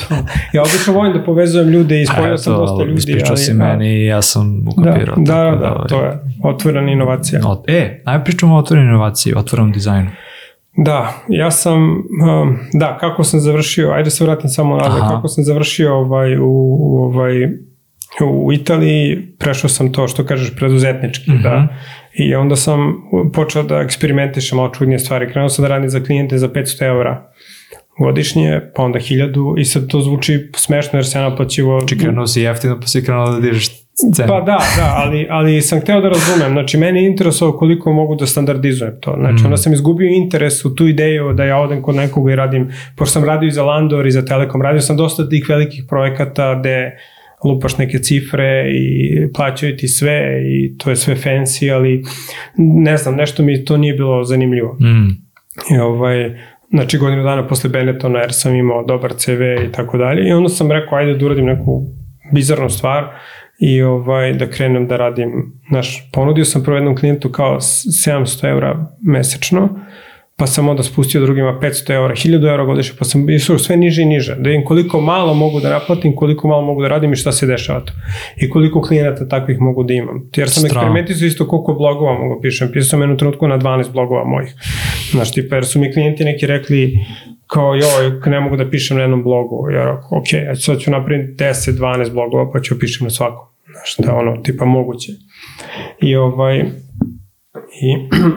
Da, i krenuo sam, jer, jer ono što, što mi je zanimljivo bilo jeste, počeo sam tada da preferiram stabilnost, jer sam živo između Cape Towna, Srbije, trenirao sport, uh, manje više sam bio beach bum, ali ne surfer, nego triatlonac, mm. ajde, ali je ista stvar. Znači, ono, bilo mi, nisam nešto bio zainteresovan da, raste, da mi raste karijera, ali sam želeo da imam biznis koji je stabilan, koji je opušten, znači, ko, ko rade, radim što hoću i mogu da, da, da finansiram taj neki lifestyle između Evrope i Afrike i ovaj, mislim, najsličniji ljudi meni koji su kako živjeli su, pošto sam se često bio, mislim u Cape, Cape Town je lokacija za surfere i onda mm. sam često bio ono blizu surfera, oni su, ali ima i mountainbikera, biciklista koji isto isti taj stil, taj da idu na južnu hemisferu zimi da bi, da bi trenirali. I, ovaj, I tu sam strašno puno učio, zato što sam radio sa, sa malim biznisima i ovaj, sa strašno puno njih, radio sam puno sa ljudima. Ovaj, I tu je veliko zadovoljstvo, zato što im tu nešto uradiš malo i odmah su srećeni. Specijalno tim, to je sredina 2000 tih početak, znači pre 2010 otprilike. Mm -hmm. Znači to 2005. 2010. tako sam živeo I to je zabavno, ono, imao sam klijente iz celog sveta, ono, nalazio na Facebooku. Solo gde... si radio? Pa da, da. Mhm. Mislim, imao sam uvek nekog programera, ono, mhm. prebacim. Mm, ne, neku mrežu ljudi. Nije, nisam imao neki interes ovaj, da, da, da tu zarađujem na tuđem radu, samo sam ja radio. Ma ne mrežu, je, nađem jednog programera. Mm. Ovaj, um, Znamo se radio sa Nikolom Sipućem koji je super programer, vlasnik cikloberze, nisam se čuo dugo s njim, on je baš dobro radio. Uh, Super lik. Uvek, pa ja sam kroz ceo život uvek bio di, duboko povezan uvek sa po jednim programerom. Mm, znači to je ono kao okay. Witcher i znači uvek je bilo, znači uvek je bio neki programer. Ja delim faze života sa kojim, neću da kažem programer, to su ljudi koji kreiraju stvari. Ja sam mm. namerno uvek se držao dalje od toga i uvek sam volao da radim s nekim. Uvek je bio, još od 90-ih sam uvek imao s nekim s kim radim i onda oni nekad kaže ok idem na drugi posao, tako dalje. Obično sarađujemo dugo i ono imam ih sve nekako negde zapisane i treba da napravim žurku vratno neke jedne godine sa svima njima sa svima njima zajedno. Ovo ovaj, su da, svi moji bivši programeri. Da, da, pa nema ih puno, ima ih 5-6 ono, i svi su super. Aleksandar, Nikola, Nikola, setim sad Nebojša da vidjet ćemo, Ivan, Da, tu su uvek su ovaj, naši, to su ljudi s kojima ono, tipa, pa kao digitalni umetnik, digitalni umetnici uvek imaju tendenciju da budu, znaš, uvek imaju s nekim ko duboko razume njihov stil i da, da. potrebe i onda se stvori ta simbioza, ono, Znači da, da mora. I ja namerno volim da radim. Ja ne, ima ljudi koji vole sve sami da rade, koji mm. uđu u programiranje. Ja sam namerno uvek držao se van toga i ne volim da sam neko ko, ko, ko, ko hoće sve sam da uradi. Nisam, nije mi se sviđalo kada ljudi tako rade. Mm. Više volim kad neko ono, na, nađe nekog drugog da radi ili plati ili nešto se dogovori, ali znaš, tipa vidi sebe kao deo neke grupe, a ne kao ja ću sad sve sam, brže mi je, smara me da objašnjavam. Jer odu previše un, odu previše u jednu ideju, postanu nerdovi previše tako po meni, mislim, sigurno, pazi, upoznao sam te likove davno, ti su MIT-a, razumeš, mm. koji su mm. i dizajneri, programeri, ali ne vidim da su nešto posebno sad, bar, mislim, ne pratim, ali previše to nerd, znaš, ne, ide, ne idu, ne naprave proizvod ili nešto, ne znam šta. I, ovaj, I onda sam polako kroz to išao ka tome da tražim, da pravim veće proizvode, stvorila mi se ambicija negde ranih 30-ih da pravim veće proizvode i onda sam Među tim klijentima našo prve, prve partnere za investicije, pa smo sada ne ulazimo milion detalja da. tu, da. ali, ali uh, prvi projekat koji se radio tamo 2010. je bila veštačka inteligencija za trčanje, multirunner AI, gde smo imali fancy investitora i puno novca i zaposlili smo odmah, to je bilo hiperbrzo zapošljavanje i ovaj, i sve to, znači sve ono kako, kako se radi i ovaj veoma, veoma komplikovan proizvod, uh, A, tu sam radio sa, um, sa Ivanom Juretom koji je ovaj, ono, ne znam, genije, ajde ukratko da objasnim. Ovaj, i, i to, je, to je trajalo nekih 3-4 godine, trebalo je da zaradi tone novca kako sam dizajnirao proizvod, znači trebali smo da rentiramo taj API um, portalima koji imaju pristup puno trkače koji nemaju znači monetizacije. Nudili smo, znači to smo mi smislili, ali to kad, kad je pitch rađen investitorima, to nije rečeno, a ti investitori su, evo kažem, Morten i Marijan, advokati, ne, invest, da, bankari advokati, onda je bilo to teško prebaciti, tu su nastali razni konflikti i to nije prošlo. Mm. Iako smo bili na ivici, mislim, praktično smo potpisali s Endom Ondom, ono, za, tipa, to bi bilo, ono, brdo novca, mislim, za nas, mm. ono, za, to sve, sve bilo sređeno. Ovaj, posle toga sam opet radio još jedan projekat, ali sa uh, privatnim investitorom uh, iz Danske. Tu smo se razlišli, on je odlučio koristiti softver za, jer svidio mu se softver, krenuo je dobro, krenuli smo dobro, prodajemo, sve je bilo kako treba, a on je onda hteo za sebe da koristi, doda samo, samo da idu uz njegove usluge. Mm. I onda smo tu uradili neki exit, ono, čisto da se rešimo. Mislim, to mi je prijatelj isto. Da. da.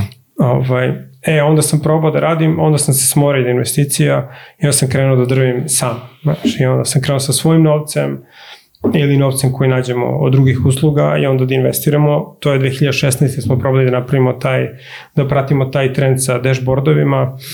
Teo sam da, da napravim nešto što kombinuje malo brand, marketing i prodaju, da da neku celokupnu sliku prodavcima prilično glupo, zato što, mislim, ideja dobra, proizvod dobar, ali ovaj, um, znači ušli smo u konkurenciju, ono, mm. mislim, to više nikad u životu, jer prethodni proizvodi nisu imali konkurenciju. Ovaj proizvod imao enormno, ja sam mislio da mi izbegavamo konkurenciju, da nudimo nešto dodatno, ali ono, prilično glupo. Mhm. Znači, ušao sam da vodim četiri firme, da bi razumao bolje kako rade, budžete i sve, puno sam naučio. Uh, ovaj, kako radi prodaj i marketing za taj tip firme, te srednje preduzeća, ali ovaj, ali proizvod nije mogu, onda sam, nije mogu da se probije i onda sam morao da ga ugasim u jednom trenutku. To jest, preradili smo ga, dobili smo mini grant u Srbiji, eto, to je dobra stvar, mini grant u Srbiji je sasvim ok. Ajde da kažem da nije toliko nešto, da, da preradimo taj proizvod u drugi, u Open Innovation, uh, aj taj mini grad nije nešto finansijski, ali je mm. lepo da, da, da imam neki datum da, da. nešto da. uradim, to mi se svidalo. Znači to, ja se, se ja uvek apliciram za te grantove, mislim da, da je super da imaš neku obavezu, ono, to se napiše brzo, pošalješ po pa šta bude. I ove, ovaj, ali radići sa tim dashboard uh, proizvodom, znači uh, prvo sam zaključio da u životu više neću da radim nešto što gledaju menadžeri samo u firmi. To mi je prvi put u životu sam to radio, pre toga sam uvek radio samo za populaciju, mm-hmm. za ljude, mhm. da njima, za masu, za, za generalne. Ovo je prvi put da sam probao da uradim nešto. Za potrošače. Pa da, za konzumere, za, za, za ljude. Ovo je prvi put da se radio nešto za menadžere i, ovaj, i meni se to lično, mislim znam da ti to radiš mm. i mhm. to je, to je, to je posebna stvar, meni to ne odgovara, meni se ne sviđa, što sam se osjećao non stop klaustrofobično, mm. zatvoreno, mislim, ceo taj vibe mi se nije, nije sviđao, ne volim, ovaj, da pravim nešto za nekoga tu da gleda na ekranu i da, da, da, da ne znam šta, jer nema, nema, konzumeri su mnogo slobodni. Mm. I, ovaj, I onda mi se mnogo mi se svidala ta ideja otvorene inovacije zato što odgovara nekom mom pristupu dizajnu. Jedno smo prebacili ceo taj biznis na openinnovation.me. Ovaj, znači, uzeli smo neke elemente tog softvera, mislim nevažno, ali smo napravili taj novi softver koji stvara tu povezanost između firme. Znači to što smo naučili kao radeći sa firmama i ovaj sam povezao sa, tim, sa tom željom da želim da sam da radim nešto za, za korisnike, za krajnje mhm. korisnike. I ovaj otvore inovacije isto mi ideološki odgovara ono 100% zato što ja volim otvorenost, volim, ne volim kad su sistemi zatvoreni, ne volim kad su sistemi bave nečim internim ovaj, sviđa mi se to naš što, što otvara firme, što podsjeća ljude malo da mogu da, da, da, da treba da se potrude više da komuniciraju. E, ajde, ajde samo pre nego što, što nastavimo, ovaj, volao bi da, da, da nam daš primer šta je to otvoren dizajn? Čisto da... Da, pa ono... dobro, otvoren dizajn, otvoren inovacija je ista da, stvar. U mojoj neka... glavi su dizajn inovacija isto. Ja koristim okay. reč dizajn jer je ovo dizajnerski, ali ja u stvari stalno govorim o inovaciji. Mm -hmm, znači, okay. mene, Šta mene... je otvorena inovacija? Da, da, pa ili a, otvorena inovacija ili otvoren dizajn, svejedno je. Znači je kada firma ili bilo koja organizacija um, sarađuje, znači sluša savete za ideje ili sarađuje sa inovatorima ili dizajnerima van svog bezbednostnog kruga. Znači, kada, kada obično, znači da bi rešila neke obično specifične probleme koje oni shvate da ne mogu da reše. Ovaj, e, to je nastalo, ne znam, u Kaliforniji, Henry Chesborov, ja mislim da se zove lik na Berkeleyu, je to prvi formalizovao u knjizi, ja mislim da je jedan ovaj, njegov centar tamo na Berkeleyu je, koji je, ja mislim, jedini istraživački, jači istraživački centar, ozbiljniji na Berkeleyu, toj školi, H se zove, on, on je posvećen samo tome, znači otvore inovacije. To je i baš i napravio zbog Silikonske doline, zato mm. što se je video da firme e, često zaborave da, da, da, da angažuju naučnike inženjere koji su jednostavno nisu kod njih u firmi. Znaš, da, hteli su da razbiju tu ideju da ok, mi smo najpametniji, mi znamo tačno šta da radimo jer je previše rizično. Mm. Da. I ovaj, znači to je ideja da bilo koja firma jednostavno je, ima, ima koncept da treba da, da javno pita ljude i imamo taj problem kako možemo da rešimo. Očigledno neki ne mogu za sve probleme, ako prave oružje ne, ali za dosta stvari mogu. Znaš, uvek ima nešto da se pita. E sad ono što smo mi dodali na to jeste mi smo to spustili na nivo ono ajde, kao i svi koji prodaju vode, kaže na nivo Instagrama, na nivo, znači ja pokušavam da ga svedem na taj nivo gde uh, firme ne pitaju, jer tradicionalno otvorena inovacija je kada naprave neki kovalnu 10.000 eura, daju samo jednu nagradu za neko inženjersko rešenje. Ja, sam, ja pokušavam sa mojim partnerima da ga, da Andrijom Toniolom, Nebojšom Dolaš, da ga, da ga dovedemo na nivo ovaj, um, gde se, na primjer, radnici u fabrici pitaju ili korisnici, ne, korisnici nekih jednostavnih proizvoda, nekih, mm. znači ne pitaju se, ne znam, inženjeri, nego se pitaju neki obični ljudi, ono, ajde, u neostatku boljeg objašnjenja. Ovaj, znači, pokušamo da ga spustimo malo na zemlju, zato što uh, tu je važna bezbednost, važan je komfor, važna je izdržljivost i tako dalje. Znači, jer sam primetio radeći sa dosta tih firmi da, da oni ovaj, um, često propagiraju svoje rešenje i znači to, dobri su dizajneri, ali uvek fali dodatnih 10%. Znači uvek fali taj, ti neki elementi koje mogu da pitaju mm. i oni generalno su sve otvorene, znači firme koje rade fizičke proizvode i generalno proizvode su veoma, veoma otvoreni, mm -hmm. znači oni stalno žickaju, stalno traže, ali nemaju sistem za to, znači nisu, nisu dobro pripremljeni za to, nemaju software, nemaju, ne daju nagrade, mi ih učimo da to plate barem 50, 100, 200 eura ili nešto. Ovaj, znači ako kupuju tako nešto, znači mogu da plate i više, ali, ali da postoji ideja da se to plaća i da su, da su stalno otvoreni ka tome. Je, kako ste to prevazišli? Znači prvo pitanje, kako ste prevazišli, ok, sad postoje kompanije koje su, da kažem, u svojoj biti otvorene, koje su spremne za tako nešto, vi ste im samo pa, ono pripomogli. ali su, kako... Samo da kažem, sve firme su otvorene, samo pitanje koliko. Znači, sve e, okay, su do neke a, mere otvorene. O, e, ok, ajde, ali znači sad ove koje su zatvorenije, Hmm. A kako ste ih, kako ste ih ovaj, da kažem, preobratili u smislu, neću kažem ubedili, kako ste im pomogli da, da budu otvorenije, to je prva stvar koja me zanima i druga stvar, a, da li je, mislim, sad, ajde, ako govorimo o, o kompanijama koje prave neke fizičke proizvode, a, a i softe, nije ni bitno kako, su prevazišli taj moment ono patenata i toga svega? Da. Pa prvo nismo još uspeli zato što daleko smo od uspeha, znaš, to je, radili smo case study, imamo klijente, mm -hmm. radimo par klijenata, znači, ali tu nema, mi smo krenuli da radimo na tome 2020. mislim da je 21 pro, proizvod izbačen, opet, to je moja investicija, tako da smo spore, ali meni se sviđa da smo spore. Mislim, da, i to vreme, smo mislim, pandemija i sve živo. Pa, da, da, da, ne, ovaj, ali um, to je novo polje, znaš, za razliku od nekog ko zna tačno što treba da radi, ovde to je problem kad radiš nešto novo i onda ti treba skapiraš kako da prođeš kroz sve te ne znam, gluposti s kojima sam se bavio. Ono, znači, svađali smo se sa računovođama, da li je to takmičenje, ono marketinško takmičenje. I onda se tu, to, pazi, to je tri meseca rasprave. Kako misliš marketinško takmičenje? Pa ono što imaš na čepovima u Srbiji. Dobro, naš, naš, jer to je, i oni to legalno to vide. Oni kad odu tamo u neki pull down, oni moraju to da stave. Eto, to je tri meseca ili ne znam wow. koliko. Onda sa sindikatom verovali ne, pregovarali smo sa sindikatom, jer moramo da radimo sa radnicima, onda čekaš sindikata, onda njima obrazlažavaš sve. Eto, ko bi rekao da ću da pregovaram sa italijanskim sindikatom, ono, fabri, ne znam kojih radnika zabravio sam. Znači, to je to. I onda čak sindikat je rekao, je, je, je predložio gluposti. I onda smo njima morali, jer ne razumeju. Znaš, uglavnom ljudi su zbunjeni. Znaš, na primjer, argument je bio, mi smo pročitali su negre nagrada je 100 eura. Oni su rekli ne, ljudi moraju budu jednaki, date 10 nagrada po 10 eura. Rekao, mislim koga briga za 10 eura, možemo da damo svima 100 eura. A oni, aha, ok, znači e, to je dva meseca lupam, razumeš, znaš, takav razgovor.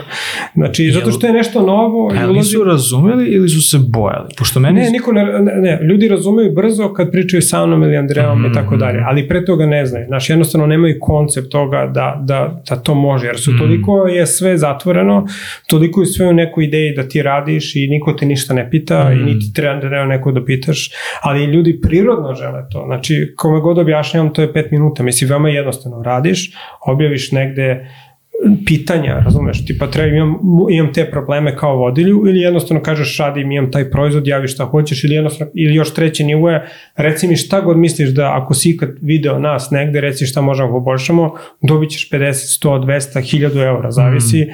zavisi koliko ti je dobar, dobar savet i to je to, to je veoma jednostavna stvar i svi brendovi to razumeju, uh, Mislim, sigurno im je mnogo bolje od Google Adsa, ono, razumeš, na Google Ads-u, ja ne znam, ja sam imao klijente koji troše 50.000 mesečno, ni za šta, evo, ne, ja čuo sam za jednog klijenta koji je sad, ono, bio majka, majka našeg klijenta, mislim, 5 miliona mesečno dolara u Americi na Google Adsu, ni za šta. Znači, ni za šta, ono, analitika, katastrofa, znaš, ono, idu, mislim, vrate, da daju 50.000 eura nagrade, razumeš, ono, znači, ja, celo tržište bi sve znalo od njima, razumeš, ali, Ovaj, tako da je prilično jednostavna ideja, ali ovaj, Um, mislim, treba vremena, jednostavno treba, kao i sa filmovima, naš, to, je, to je takav tip ideje, treba vremena i ovaj, definitivno ja lupam glavom u zid svaki dan kako da to ubrzam, mm. ali ovaj, Znaš, treba, treba, treba. Da, mislim, mi smo tek ove godine stekli samo samopouzdanje da imamo projekte urađene, jer ti moraš da uriš projekat. Znaš, treba sad ćemo probati da ga prijavimo na konferencu, znači ti moraš da, znači to je čitav proces, znači mm -hmm. moraš, da, moraš da razviše taj akademski deo, i, i moraš da razviješ i software koji prati to, koji je praktičan, moraš da pratiš, moraš da razumeš te firme koji imaju svoje probleme sa krizom, sa ovim, sa onim, znači mora sve to da se poklopi. I ovo, ovaj, ja sam lani je lancirao proizvod, ovaj drugi, ajde, AI je bio težak, trebalo mi ja ne znam, možda dve, tri godine da to razvijem, jer tad nisu bili lati za i, ali ovaj drugi proizvod sam lansirao za šest meseci, mislim, to je dizajn trajao, ajde, moj dizajn istraživanje računam u to, ali trajao je šest meseci max razvoj, mislim, to je ono, ne MVP, nego to je to, kao ideš pa posle dodaješ feature i onda prodaje odmah krenula, a ovo je sada drugačije, znači nije, jer nije samo software proizvod, to je ono što, mm. što nego je i consulting, Znači ti moraš da, ti radiš change management u firmi, ali volim to, mislim sad mi je zanimljivo mi, znaš, nije mi, da, sigurno bi bilo lakše da ima samo software da ga kupuje na internetu, ali ovaj, trebaju uvek s nekim da pričaju, malo da provale, treba im vo, da se vode kroz to, drugo svaka firma je drugačija, mi s tim klijentima uvek kažemo, ajde probajte, probajte, oni svi rade otvorenu inovaciju neformalno, Imate, mm. to je samo formalizacija otvorene inovacije i onda ih treba terati na to malo to je, to je izazov sa svim, da kažem, ono, novim proizvodima koji gde ljudi nekako očekuju, mislim ja sam očekivao, aha sad će mi da dođemo, napravimo SAS, da svako može da se registruje, da klikne, da prođe neki onboarding, napravit ćemo najbolji onboarding i kao svi će da koriste, pa neće, mislim, znaš, to je ovaj, mislim, pa da. neko hoće, neko će da odustane, neću kapirati ništa, ali što nije nužno. Ne, ja sam imao to na konzumer uh, projektima, multiranere tu imali, su dobili 6-7 hiljada ljudi veoma brzo, znači, e, hvala ti. To je konzumer proizvod ovaj, koji je, zamenjuje nešto što ljudi već znaju jednostavno tu smo ga napravili, to forma, klik, klik, klik, i to radi. To je, to je sistem koji funkcioniše da, za neke to, tipove. To je trik, kad, to što kažeš, znači ljudi, ljudi već znaju o to, da, ljudi da, već da. znaju šta je. I ti si napravio imali, samo bolje. Ono. Da, šta je bilo lako? Znači ja, ja i ja, moj drug, ja moj drug u Nemačku imao partnerstvo sa Prozibenom, ja sam imao partnerstvo sa TV2 u Danskoj. Znači kad imaš te konzumer proizvode, kad odeš na te velike medijske kuće, onda lako se dogovoriš s njim. Mm. Znaš, a, ovaj, a onda kad odeš na te dashboardove i te stvari, onda samo ti ostaje da zoveš ljude. Znaš, tu u mm. mom iskustvu, barem u mom Znaš, reklame ne rade, reklame ne rade ni, ni za većinu inovativnih, pošto ja se fokusiram više na inovaciju, ja sam radio sa konzumer inovacijama, to isto ne rade. Da, da. Znaš, to je, rade, ako, ako imaš popust, nešto što ljudi znaju, pa imaš nižu cenu, pa lupiš reklamu, to je super, ali kada treba da objasniš nešto sa, mm. sa reklamama, to je, znači, trebaju ti enormne, znači, deset puta više novca, koju niko nema, realno. Znači, nikoga nema. Mislim da, da, da da inovacija možda se objasni kroz reklame, onda bi političari ne bi pričali to što da. pričaju. Mislim, oni su likovi koji imaju neograničene, ovi američki, oni se drže veoma konzervativnih, jednostavnih ideja. Oni nikad ne, ne idu u nešto, nešto kompleksno da objašnjavaju, a naši proizvodi su hiperkompleksni. Ono, što I, i, i plus, Mislim, plus... lako se objasni koncept, ali da ti uradiš stvari posle, to, to, da neko to, to, to. kaže da ti platim da krenem, e, to je druga stvar. To, to, to, to, to. I uvek postoji... Ti kažu, super, hoću da radim, odlično, nikad bolje ideje, ajmo, i onda im daš taj e, proces, e, da, da, da, i da, onda, da. e, treba ovo, treba, treba... oni nešto da urade, onda malo pa bude, da, da, to da, je to, da, da, ima još milionih koji ih zovu da, da, svaki da. dan i to je to, da. I uvek postoji taj, ja bih rekao sad, možda slažeš, možda ne, ali postoji taj, taj izazov, a to je da je dvosmerna ulica. Znači, kako ti sad imaš inicijalnu ideju i neki koncept i kako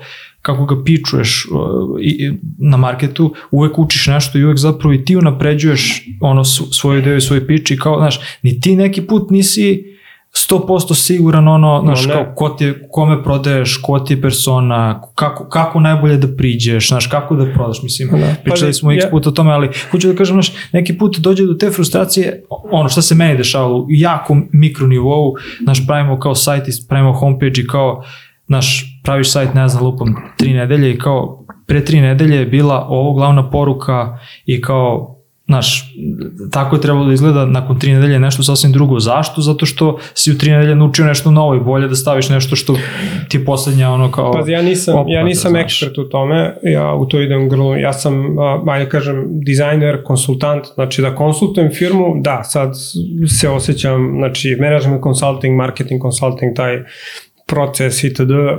za neki tip firme mislim da sam veoma dobar. Za dizajn, ono, brand strategiju, strategije itd. Mm. da.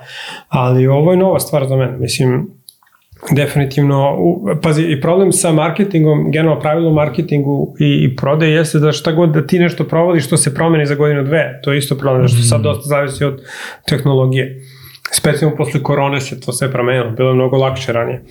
Ovaj, I tako da to je sve, ulazim u to, mislim, kao i kad sam krenuo da radim e, marketing, ono, ja sam izašao u jednoj firmi pred 50 ljudi, rekao ja ništa ne znam, počinjem učimo zajedno, znači, ovaj, definitivno tu ima, ima, ima dosta stvari.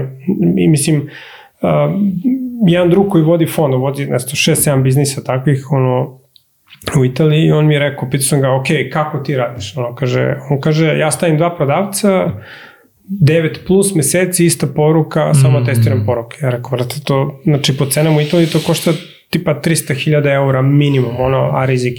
A onda je on rekao, pa da, ali ja već godinu dana ne mogu da nađem prodavca.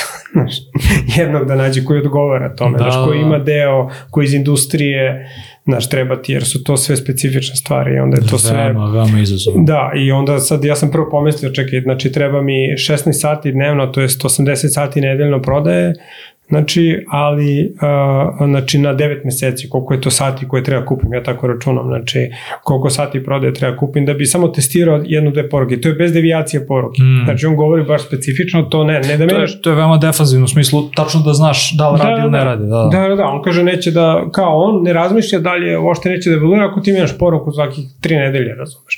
Mm. Nego mora da bude poruka i onda je bombarduje, naš, ili automatizuje, ali mora da ima osobu koja je tu za drugu poruku i za treću šta god, telefon, email, uh, uh, LinkedIn, šta god da koriste, Zoom info ili ne znam šta, ali ovaj, poenta jeste da, da ja imam možda 2-3 sata dnevno, znaš, pošto uh, naše su financije i to je to. Znači kad dobiješ investiciju samo to možda ubržaš, ali nema garancije. Da, ne. Ja radije bi sačekao malo ovako pa da, da, da lubodimo poruku, mislim testiramo poruku. Da.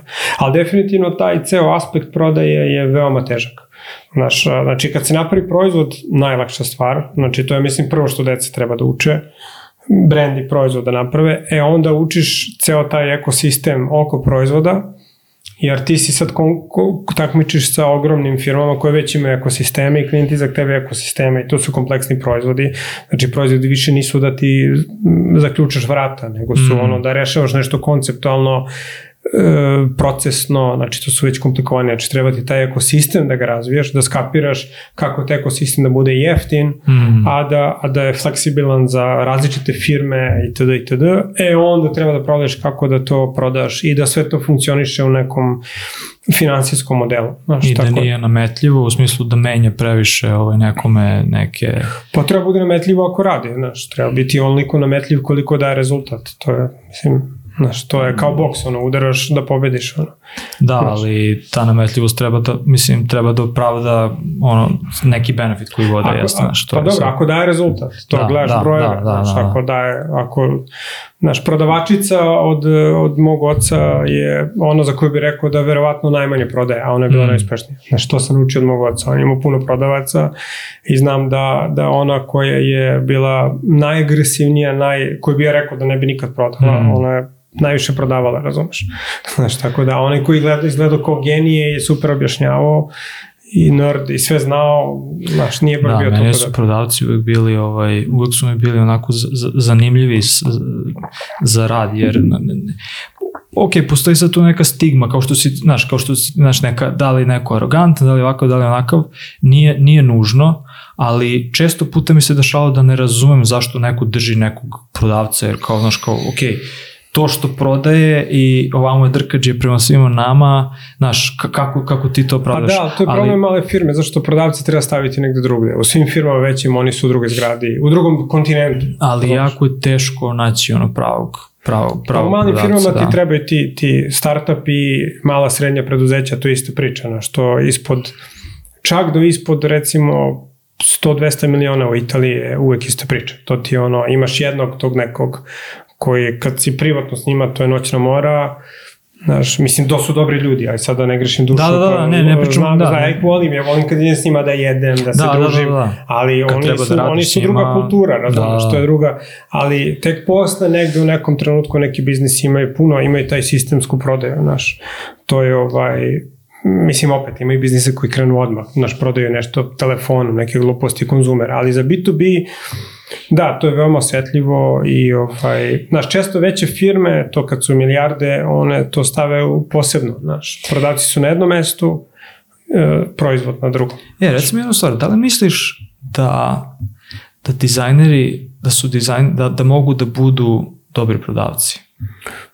Pa ne, ne, ne mogu te kategorije, to imaš pa, osobu pa, pa koja može si, da bude rekao dobra. Rekao si potpuno su drugačija Ja bih rekao da u idealni da li dizajner... postoji potencijal? Ajde, ne, ajde tako da. Ja bih rekao, ja bih rekao ovako, znači, mislim svako može da budeš sve, znaš, ali ja bih rekao ovako da dobar dizajner mora da dobro prodaje. Znači, znači mm -hmm. ako mhm. hoćeš da budeš, jer ja kad sam pravio moje proizvode, ja sam ih prodao. Mm -hmm. Znači, ja uvek odem prvo da prodajem, pa onda dizajniram i prodajem. Mm -hmm. Znači, dizajniram poruke, prezentacije, procese i sva pravila prodaje. Znači, ako hoćeš da budeš dobar dizajner, znači, više nivo dizajna jeste da ti odeš prodaš. I ti prodaš par puta i onda pustiš druge da rade. Takođe je pametno da ti ne radiš tu stvar. Znači, da ne ideš da prodaš, osim ako baš ne moraš. Ja, ja, se, ja tretiram prodaju isto kao programiranje. Znači, negde tamo sam dirno JavaScript 90-ih, skapirao sam šta je to, možda nekad preteram u odnosu sa programerima, ali generalno mislim da sam ok, ne nerviram ih previše, nadam se to na njima da kažu, ali mislim da je tako ovaj, dok me neko ne ubedi drugačije. Ali ovaj, sad ću zvoni telefon, ne, ne lupaj.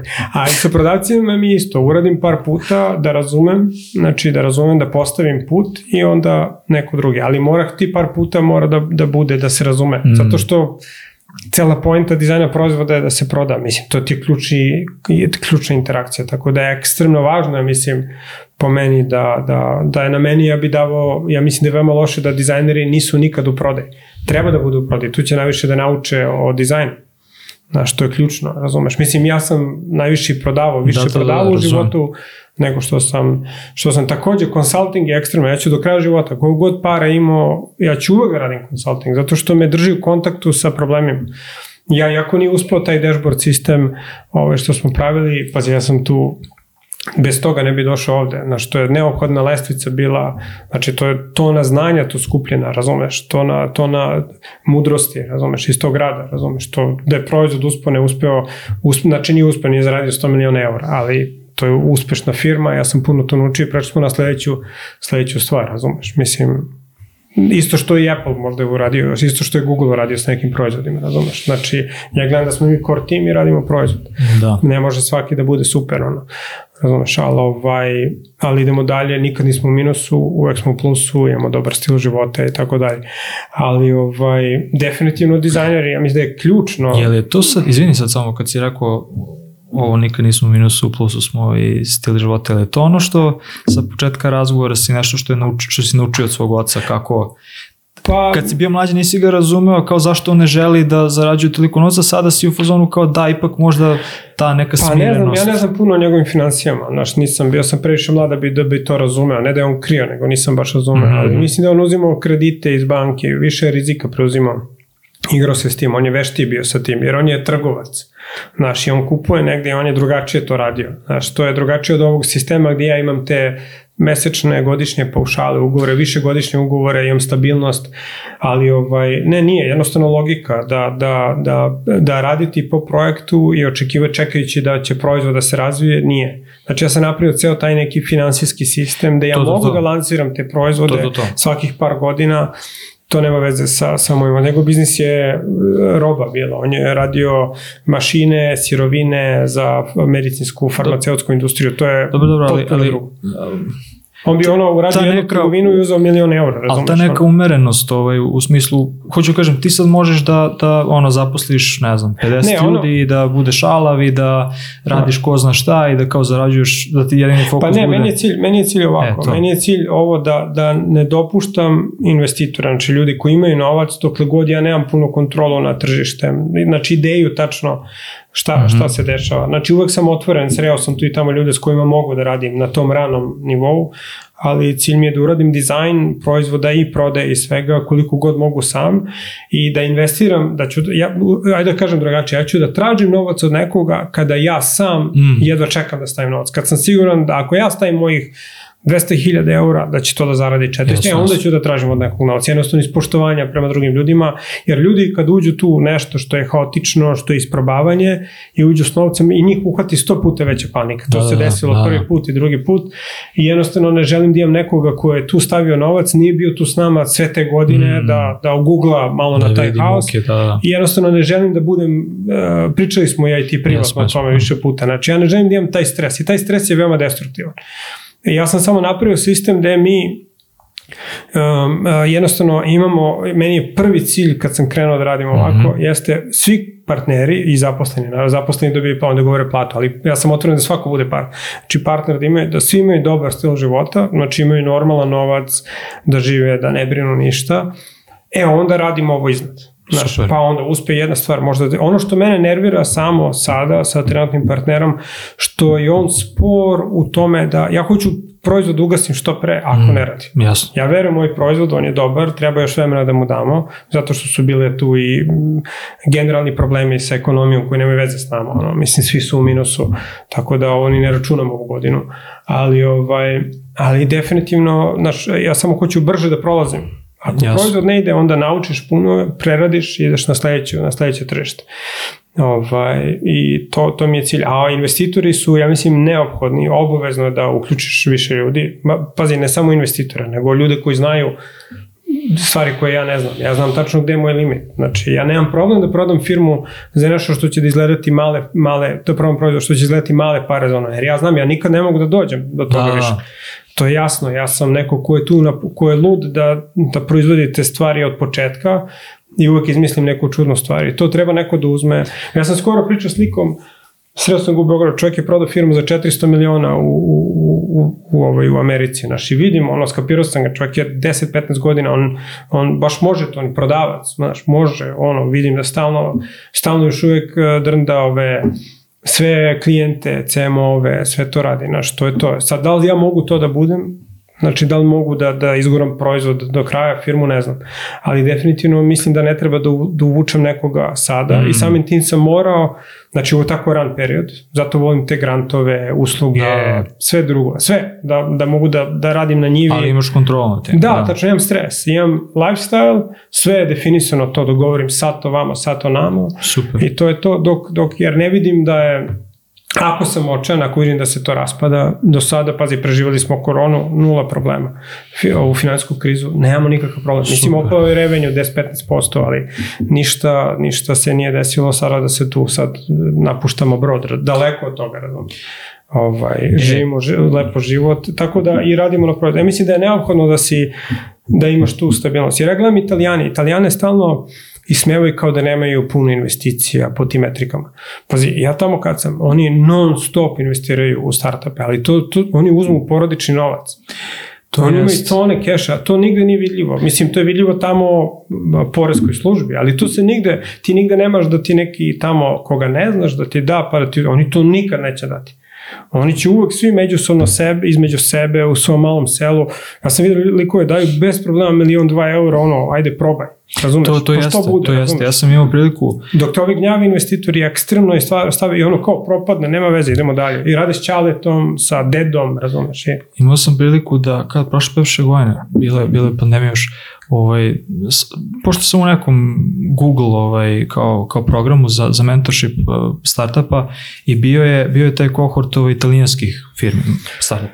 No. Da. Čovječe, to, prvo, toliko ima startupa i toliko se cima i toliko su ono cool, ali, znaš, o, o, upravo to, sve rade... Hrana i moda. Sve, sve, Šta hra, sve hrana i moda. Da, a, e, bukvalno, sve hrana, znači ili neka online Pazi prodaja, za kožu, pogledaj koliko ima startupa ili za kožu. neki restorani nešto i sve na italijanskom, znaš, da. kao ne, nikad nisu izašli iz te zone komfora da, da, da bilo šta probaju. Pa, pa Amer imaju software i entertainment, uh, Nemci šta imaju, heavy industry, Italijani imaju te industrije, ovaj, Znaš, pazi, ali na primjer čuo sam da je jedna od najboljih filma, firmi za robotiku, sad pomažemo poznanici jednoj da, da nađe staž, ono, posle fakulteta, ispada u bariju. Znaš, kad mhm. uđeš u te stvari, ono, onda takođe mi radimo, radili smo sa dosta firmi, uh, naravno Verona za vina, ali radili smo sa firmom u Arcinjanu, to je malo mesto u, u, u provincije de Vicenza i ovaj i tamo tamo rade ovaj tamo je ono silikon ekvivalent silikon valley za procesovanje za procesuiranje kože. Mm. Znači tamo rade sva top kola, torbe, cipele, tamo ti je mm. vrhunska, to je on, oni znaju. I tamo smo radili sa firmom koje ono kad ti objašnjavaju, mi radimo novu tehnologiju koja je sustainable, farbanje kože, ono, ono, znači tipa, to je toliko, znači ono, u detalje ide, razumeš, i tu idu svi kad hoće nešto najbolje za kožu, gde god da si u svetu, uh, tamo ideš, razumeš, to su samo mesta i to nikad ne bi ni primetio, ti prođeš kolima, ako otvoriš prozor na autoputu na A4 tamo između Vićenci i Verone, ti osjetiš, ako staneš, osjetiš smrad tih hemikalija, da. jer cela dolina smrdi, ko što oni zovu smrad novca. I, ova, I svi su tamo su i mega i korumpirani, razumeš. Znači, ja mislim da su u jednom trenutku morali da zamene sudiju i sve u državnom sistemu, jer su, A, dobro, su prati ih, prati ih takva mantra, ovaj, nije to... Da, da, svi su, svi su, pa isto koji u Americi bilo gde, znaš ti, pa to je znaš, jer toliko su, to su enormne sume novca, ono, tom, u, to, u tim krajevima. Ovaj. E, imao sam jedno pitanje, ovaj, pošto si rekao, ja uvek radim neku novu, čudnu, specifičnu stvar. Da. Um, ja ću da kažem pomalo bleskastu, onako smelu, ludu. A, da li da li vidiš open design kao nešto što je budućnost ili ipak vidiš da je on i dalje underdog kao takav?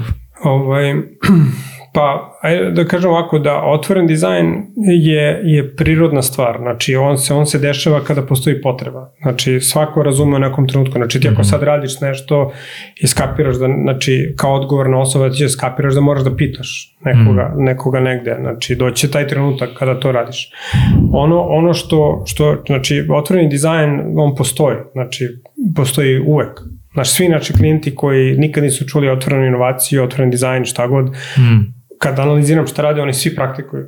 Znači, svi slušaju dobro klijente, reaguju na svaki email, žele da dobiju što više emailova, poziva, razgovora, idu obilaze projekte, pričaju sa svima, sve to normalno. Ono što, što, što je nova stvar jeste formalizacija troga e, i to. digitalizacija. To. Znaš, jer kao što imaš sada Zoom, ili mi imamo podcast, znači, znači otvoren dizajn postoji, samo treba se formalizuje uh mhm. -huh. i ono što je naš argument jeste onaj prvi koji bude dobar sa tim softverom, što je neizbežno jer se desilo svemu, mislim, Uber i td. Znači, taj će prvi da pri, privuče što više, mm -hmm. što više ovaj, eh, tih, tih saveta, tih inovacija ti, i taj će da napreduje u tom aspektu biznisa. Opet, to je mali deo customer relationshipa, negde između komentara i to što si mi pitao, nisam ti odgovorio za patente, naš. Mi izlazimo, mm -hmm. mi se ne bojimo time i kažemo bavite se sa filmom. Mm -hmm. Mi mhm. namerno i plaćanja, znači ne, ne stavljaju oni pare kod nas, mi plaćamo, nego za sada namerno se držimo da oni sami, mi proverimo da li sve plaćeno, da su svi srećni, nudimo tu uslugu, ali namerno ne ulazimo u transfer novca ovaj, jasno, zbog, zbog miliona različitih da. razloga, niti odgovornosti toga.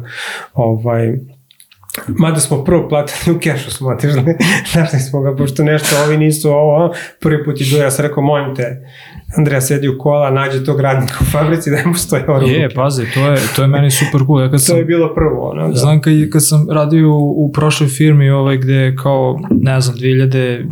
12. pre nego što ću ja da dođem, bila je neka priča da od nekog klijenta treba da se prebaci ogromna količina podataka i bilo je kao isto pitanje, je okej, okay, sedam avion. Nemoj da priznaš nešto što je GDPR. Ne, ne, ne, ne tada, tada još to nije bilo. Znači, GDPR nije postao. Ovaj, ali kao sedamo sa hard diskom i od, naš sa hard disku krugovima da, i da. odlazimo i kao legitiman da. način, ono, kako, da, god, da. koliko god bizarno zvučalo, meni je to strava, ovaj, znaš, da. jer, jer mnogo je bolje i jeftinije nego da praviš sad tamo neki flow, e, ovako će da ide flow za da, da, plaćanje, da, da, znaš. Da, dobro stara vremena pre GDPR-a. Što što je, da, GDPR i HIPA i ostala ekipa. E, Ovaj... Tako da, da Aha. autora inovacija je, ljudi znaju šta je to i ra praktikuju i kad os, dizajneri osete potrebu i ono što je budućnost toga jeste da se deo toga digitalizuje, kao što su komentari, kao što su customer service, znači to jednostavno treba, to je, znači neću govorim da smo sad, da je to sad izmišljeno, to je samo opisano, kao što su ono, komentare na Facebooku, mm. ljudi su uvek komentarisali i rekli nekome, slušaj, budala si, znaš, da. ono, da. ja on drugu u Južnoj Africi koji je na radiju, pa kad izađe na ulicu ga psuje, ono, zato što navija za Chelsea i onda ih zajebava sve i onda njega zajebava. To je uvek postojalo, ali samo što postaje digitalno, znaš, i onda onaj ko je prvi u tome, znaš, ko shvati ozbiljno tu tehnologiju i ta, da promeni procese, da koristi više tehnologiju, da to nije više izvao me Mika, Znači, to je, taj će prvi. Ali dizajneri sami znaju, znači, ne moramo da učimo dizajnera. Ja mislim, mislim da treba da budu malo, malo ovaj, otvoreni, da, da po prirodi uvek govore kako su introverti, ovaj, um, ne znam, bar, bar pa, ekipa koju sam ja upoznao, svi su u ja sam introvert, ja sam introvert, znači, ja ne znam ni šta to znači, ovaj, u, da budem najiskreniji u potpunosti, ali... Ovaj... Ali, ali sad ću ti objasniti, to, to je zato što ovde ima puno outsourcinga. Znaš, to je, to je mhm. uvek treba shvati Srbiju da, da Srbija ima veliku, znači, veliku disproporciju tu. Znači, ima strašno puno ljudi koji rade za nekoga daleko. Znaš, a nema ljudi koji radi sami za sebe ili za nekoga tu. Mm. Znaš, velika razlika ako si supplier i sad ti si supplier tu preko puta ulica, radiš za ovu fabriku mm. i mhm. tu ste dve generacije, to je jedna stvar. Ali kada si supplier, znači outsourcer, nekome na drugom kraju sveta, znaš, koja te zaposli ne zašto si najbolji artisan ili nešto u tome, nego zašto si jeftin. Znaš, to je posebna situacija, nema ništa loše, znaš, mislim... Ne, to je sve legitimno, samo... Ali, ali to, tu, tu jeste da se stvori, tu te niko ništa ne pita, razumeš, tu dobiješ, pošalje ti one odande nešto da radiš i ti to radiš, znaš, nema, nije te zaposlio. Taj treći nivo outsourcinga, taj da se outsourcuje strateško razmišljanje, Mislim, to je veoma redko, znaš, da mm. da firme outsourcuju strateško, jer otvorenost, otvorenost i inovacija su strateške stvari strateško razmišljanje, onda to se ne outsourcuje, znaš, ali, ali ljudi koji rade sami za sebe ili rade tu nekom ekosistemu lokalnom, oni to maksimalno rade, razumeš, mm. ali kad radiš za nekoga tamo daleko, znaš, on, ti si operativan, znaš, ti nisi tu strateški, znaš, to je razlika, znaš, kad si operativan, onda onaj tamo verovatno dosta sluša, razumeš, znači on mora puno da sluša, ali kad ti da requirements šta treba da radiš, onda je to osvareno, znaš. Da, ali mislim, Mislim, ko, ko, koje firme u Srbiji sad idu istražuju ne, američko tržište za američku firmu? Da. da razumeš, ne, ne rade puno, znaš, rade ono... Ali,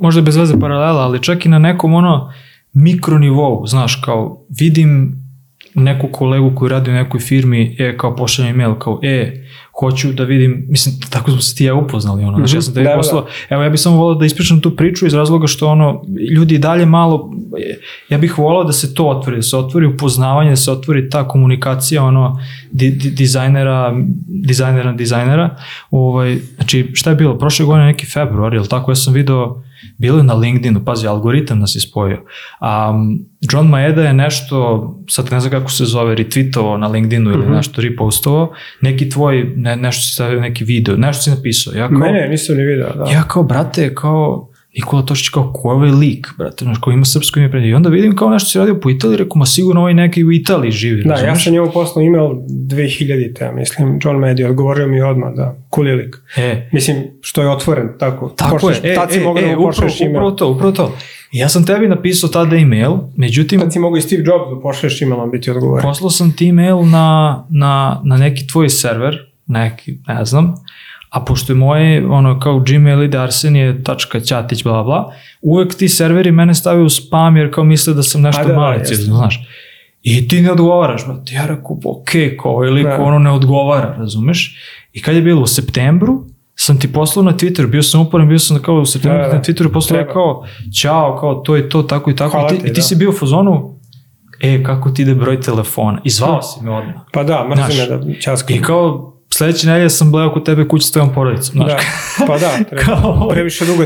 Ali samo, Samo jedna stvar. Znači, ja mislim da je okej okay da se dizajneri druže s dizajnerima, ali ja više, ja bih savjetovao dizajnerima da se druže sa ljudima koji nisu dizajneri. E, e, da. i to, i to. Ali... I, dobro, i ne kolegama, nego stvarno da se druže sa totalno Jer dizajneri moraju da se hrane problemima Bravo. drugih ljudi. Da, Bravo. Da, što je, na, nama ništa gluplje, nervira me onaj, mislim jedno vreme mi se sviđao, Scott, mi da se zove Scott Galloway, on je marketing profesor ovaj, na NYU i on je dosta nešto popularan. I ovaj, nije mi se svilo dve stvari koje rekao da je paywall dobar za novine i ovaj, to se ne slažem i, i I druga stvar je rekao da ako hoćeš da uspeš treba da se družiti s bogatima. Ja mislim da je to velika greška. Ovaj, treba da se družiš sa, mislim nema bogati siromašni, nego treba da se družiš sa što više različitih ljudi, da razumeš njihove probleme, njihovu kulturu, jer poenta dizajnera jeste da, da nešto napravi za sve ljude. Mm. Znaš, moraš da napraviš ono tipa aplikaciju za lupa, muslimane, Razumeš? Da, da ako, da, ako, da, znači, da. moraš da imaš taj nivo empatije. Ako se sad samo družiš sa dizajnom, šta imaš da pričaš o dizajnu, kao ja i ti? Ja mislim da smo ispričali sve. Da. Ja sam studentima, ja sam predavao, nisam spomenuo, predavao sam pet godina master u, u Austriji i ovaj, i, i evo mazi macu, da znaju video. Konačno je prišla posle dva sata. Ovaj, I sad ne znam što sam rekao za ništa, ništa. nešto da treba da se druže, da treba da, da budu otvoreni. Predavo si studentima. Pa da, ali ne znam, zabrao sam šta sam htio da kažem sa studentima. Znam da govorio sam im stalno da treba, treba što više da, da, da uđu u različite stvari, da razumeju, da imaju empatiju, da, da se povežu, da, da, jer ne vredi samo sa dizajnerima postaneš, samo ideš više u narderanje. Znaš. Da. Ovo su posao dizajnera da bude otvoren. Znaš, doktori, ne, znaš, oni, ok, oni stalno dolaze pacijenti, razumeš, pilotima stalno dolaze putnici, a i pilot je tu da vozi, ne da priča s putnicima, ali naš posao kao dizajnere jeste da stalno komuniciramo sa raznim ljudima, znaš, inače ćemo samo da radimo proizvode jedni za drugi, da. znaš, i to će da ide sve više. Ono što je važno spozna jeste da je moguće da loša ideja bude veoma popularna, znaš, to je veoma mm. važna spoznaja u, u životu, znaš, da nešto filozofska spoznaja, znači da veoma loš, ve, da, kada shvatiš da loša ideja, znači loš dizajn, loše šta god, može da ima uspeh, može da se proširi kao virus. I da, znači, neko može da napravi, onda kad shvatiš to, onda imaš veliku odgovornost prema tome što radiš. I da bi razumeo šta je zaista dobro, moraš da pričaš sa što više ljudi, mm. različitih ljudi. Jer ako pričaš sa istom grupom ljudi, 10 ljudi, 20, 100, ali ne uveze i 1000, ali koji razmišljaju isto, ti dobiješ ovaj, Znaš, mi smo pričali kako sam ja upoznao te dizajnere i to, ali, ali ja, sam, ja sam se bavio sportom i puno sam učio sportista. Drugo, ja volim da pričam sa bilo kim, sa preduzetnicima, sa Nemcem, sa Italijanom, sa Amerikancem, sa svima. Znaš, ja volim da odem u Ameriku, vozim kolem da stavimo, pričamo s random ljudima. Znači, da, sa što sam... više ljudi, to, to je to sam hteo da, da, da, da spomenu ovako da ti si, mislim, bukvalno lik koji, znaš, nije, nije samo tog do tog, ali takav si po prirodi da si vam otvoren i kao prema meni si bio tada, znaš, koja sam bio zapanjen. Otvoreniji znaš. možda nego drugi, ali sad ne znam da sam apsolutno otvoren, da, da. Okay, ali, da, ali da, ali, jeste ovaj, možda. Tako da mislim, mislim da je to, mislim da je to jako, jako važno i evo ja ću biti slobodan da kažem da ako neko ima neko pitanje ili nešto da ti se javi, da ti se slobodno javi, da, da ovaj, definitivno neće da, da, da pogreše. Tvoj sajt je tošić.com? Da, tošić.com. Da. Mislim, Google i Nikola Tošić izaći će još jedan inženjer iz Barcelona koji mi je drug, on se skori neki futbaler. Da, I on je što svira gusle je nestao sa... Da, ja, ja za malo da upoznam tog iz Barcelone. Ovaj. On je cool, upoznao se tako s njim. bio sam, bio sam na, da. na ivici. Ovaj, E, priveli smo, to jest Možemo da prevedemo da, kraju. Evo samo kažem, moj broj telefona je 063 268 906. Uvek dajem svima. Samo me zvala jednom jedna devojka iz Koreje. Znači, da, možda ga dajem već 20, 20 godina. Mislim, moje telefone, javno. To je neka, neka trama ako daš. Te, na TikToku me odmah banuju, skinu mi kada, kada dam moj broj telefona.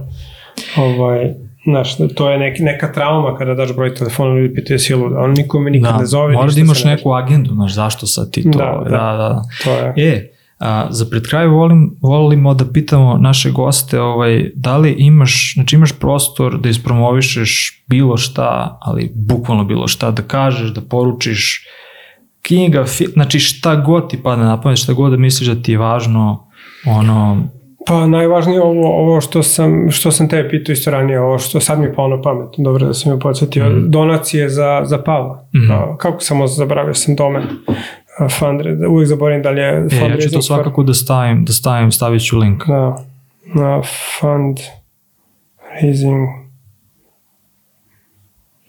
Stavit ću ja tu link.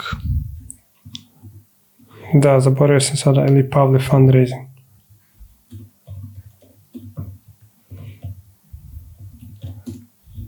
Da, pavlefundraising.org, to je ovaj, u porodici imamo dete koje, koje ima ovaj, tu groznu bolest, znači dete leptir i ovaj, Pavle je super, on je vesel i sve, ali ono, svake godine za moj rođendan ili bilo kada skupljamo mm skupljamo nova za njih, tako da uvek, cilj mi je uvek bio da skupimo 5000, došli smo, mislim, do 2,5 maks, mm. ovaj, 2,5 ili 3, ali ovaj, znači sve donacije su super, mogu pogledati na tom domenu.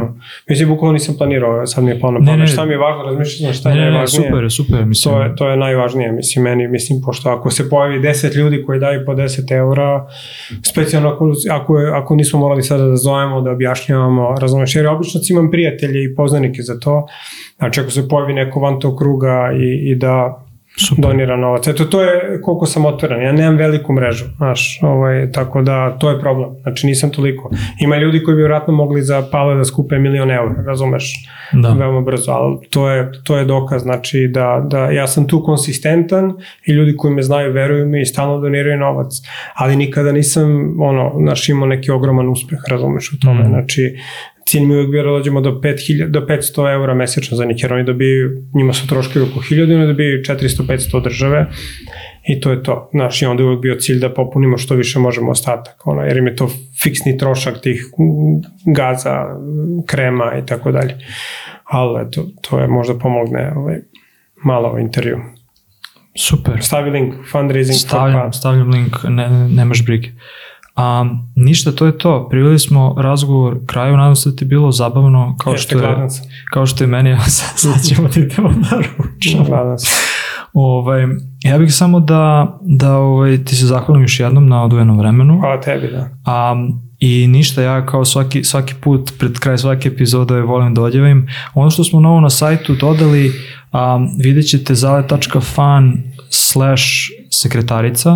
Um, tu smo napravili foru da bilo ko može da dođe i da nam snimi glasovnu poruku i mi ćemo probati te glasovne poruke da uključimo kao svaki talk show da uključimo ovaj, u, u jednu od sledećih epizoda. Tako da budite slobodni, ovaj, eto, budite otvoreni i slobodni da da uradite to.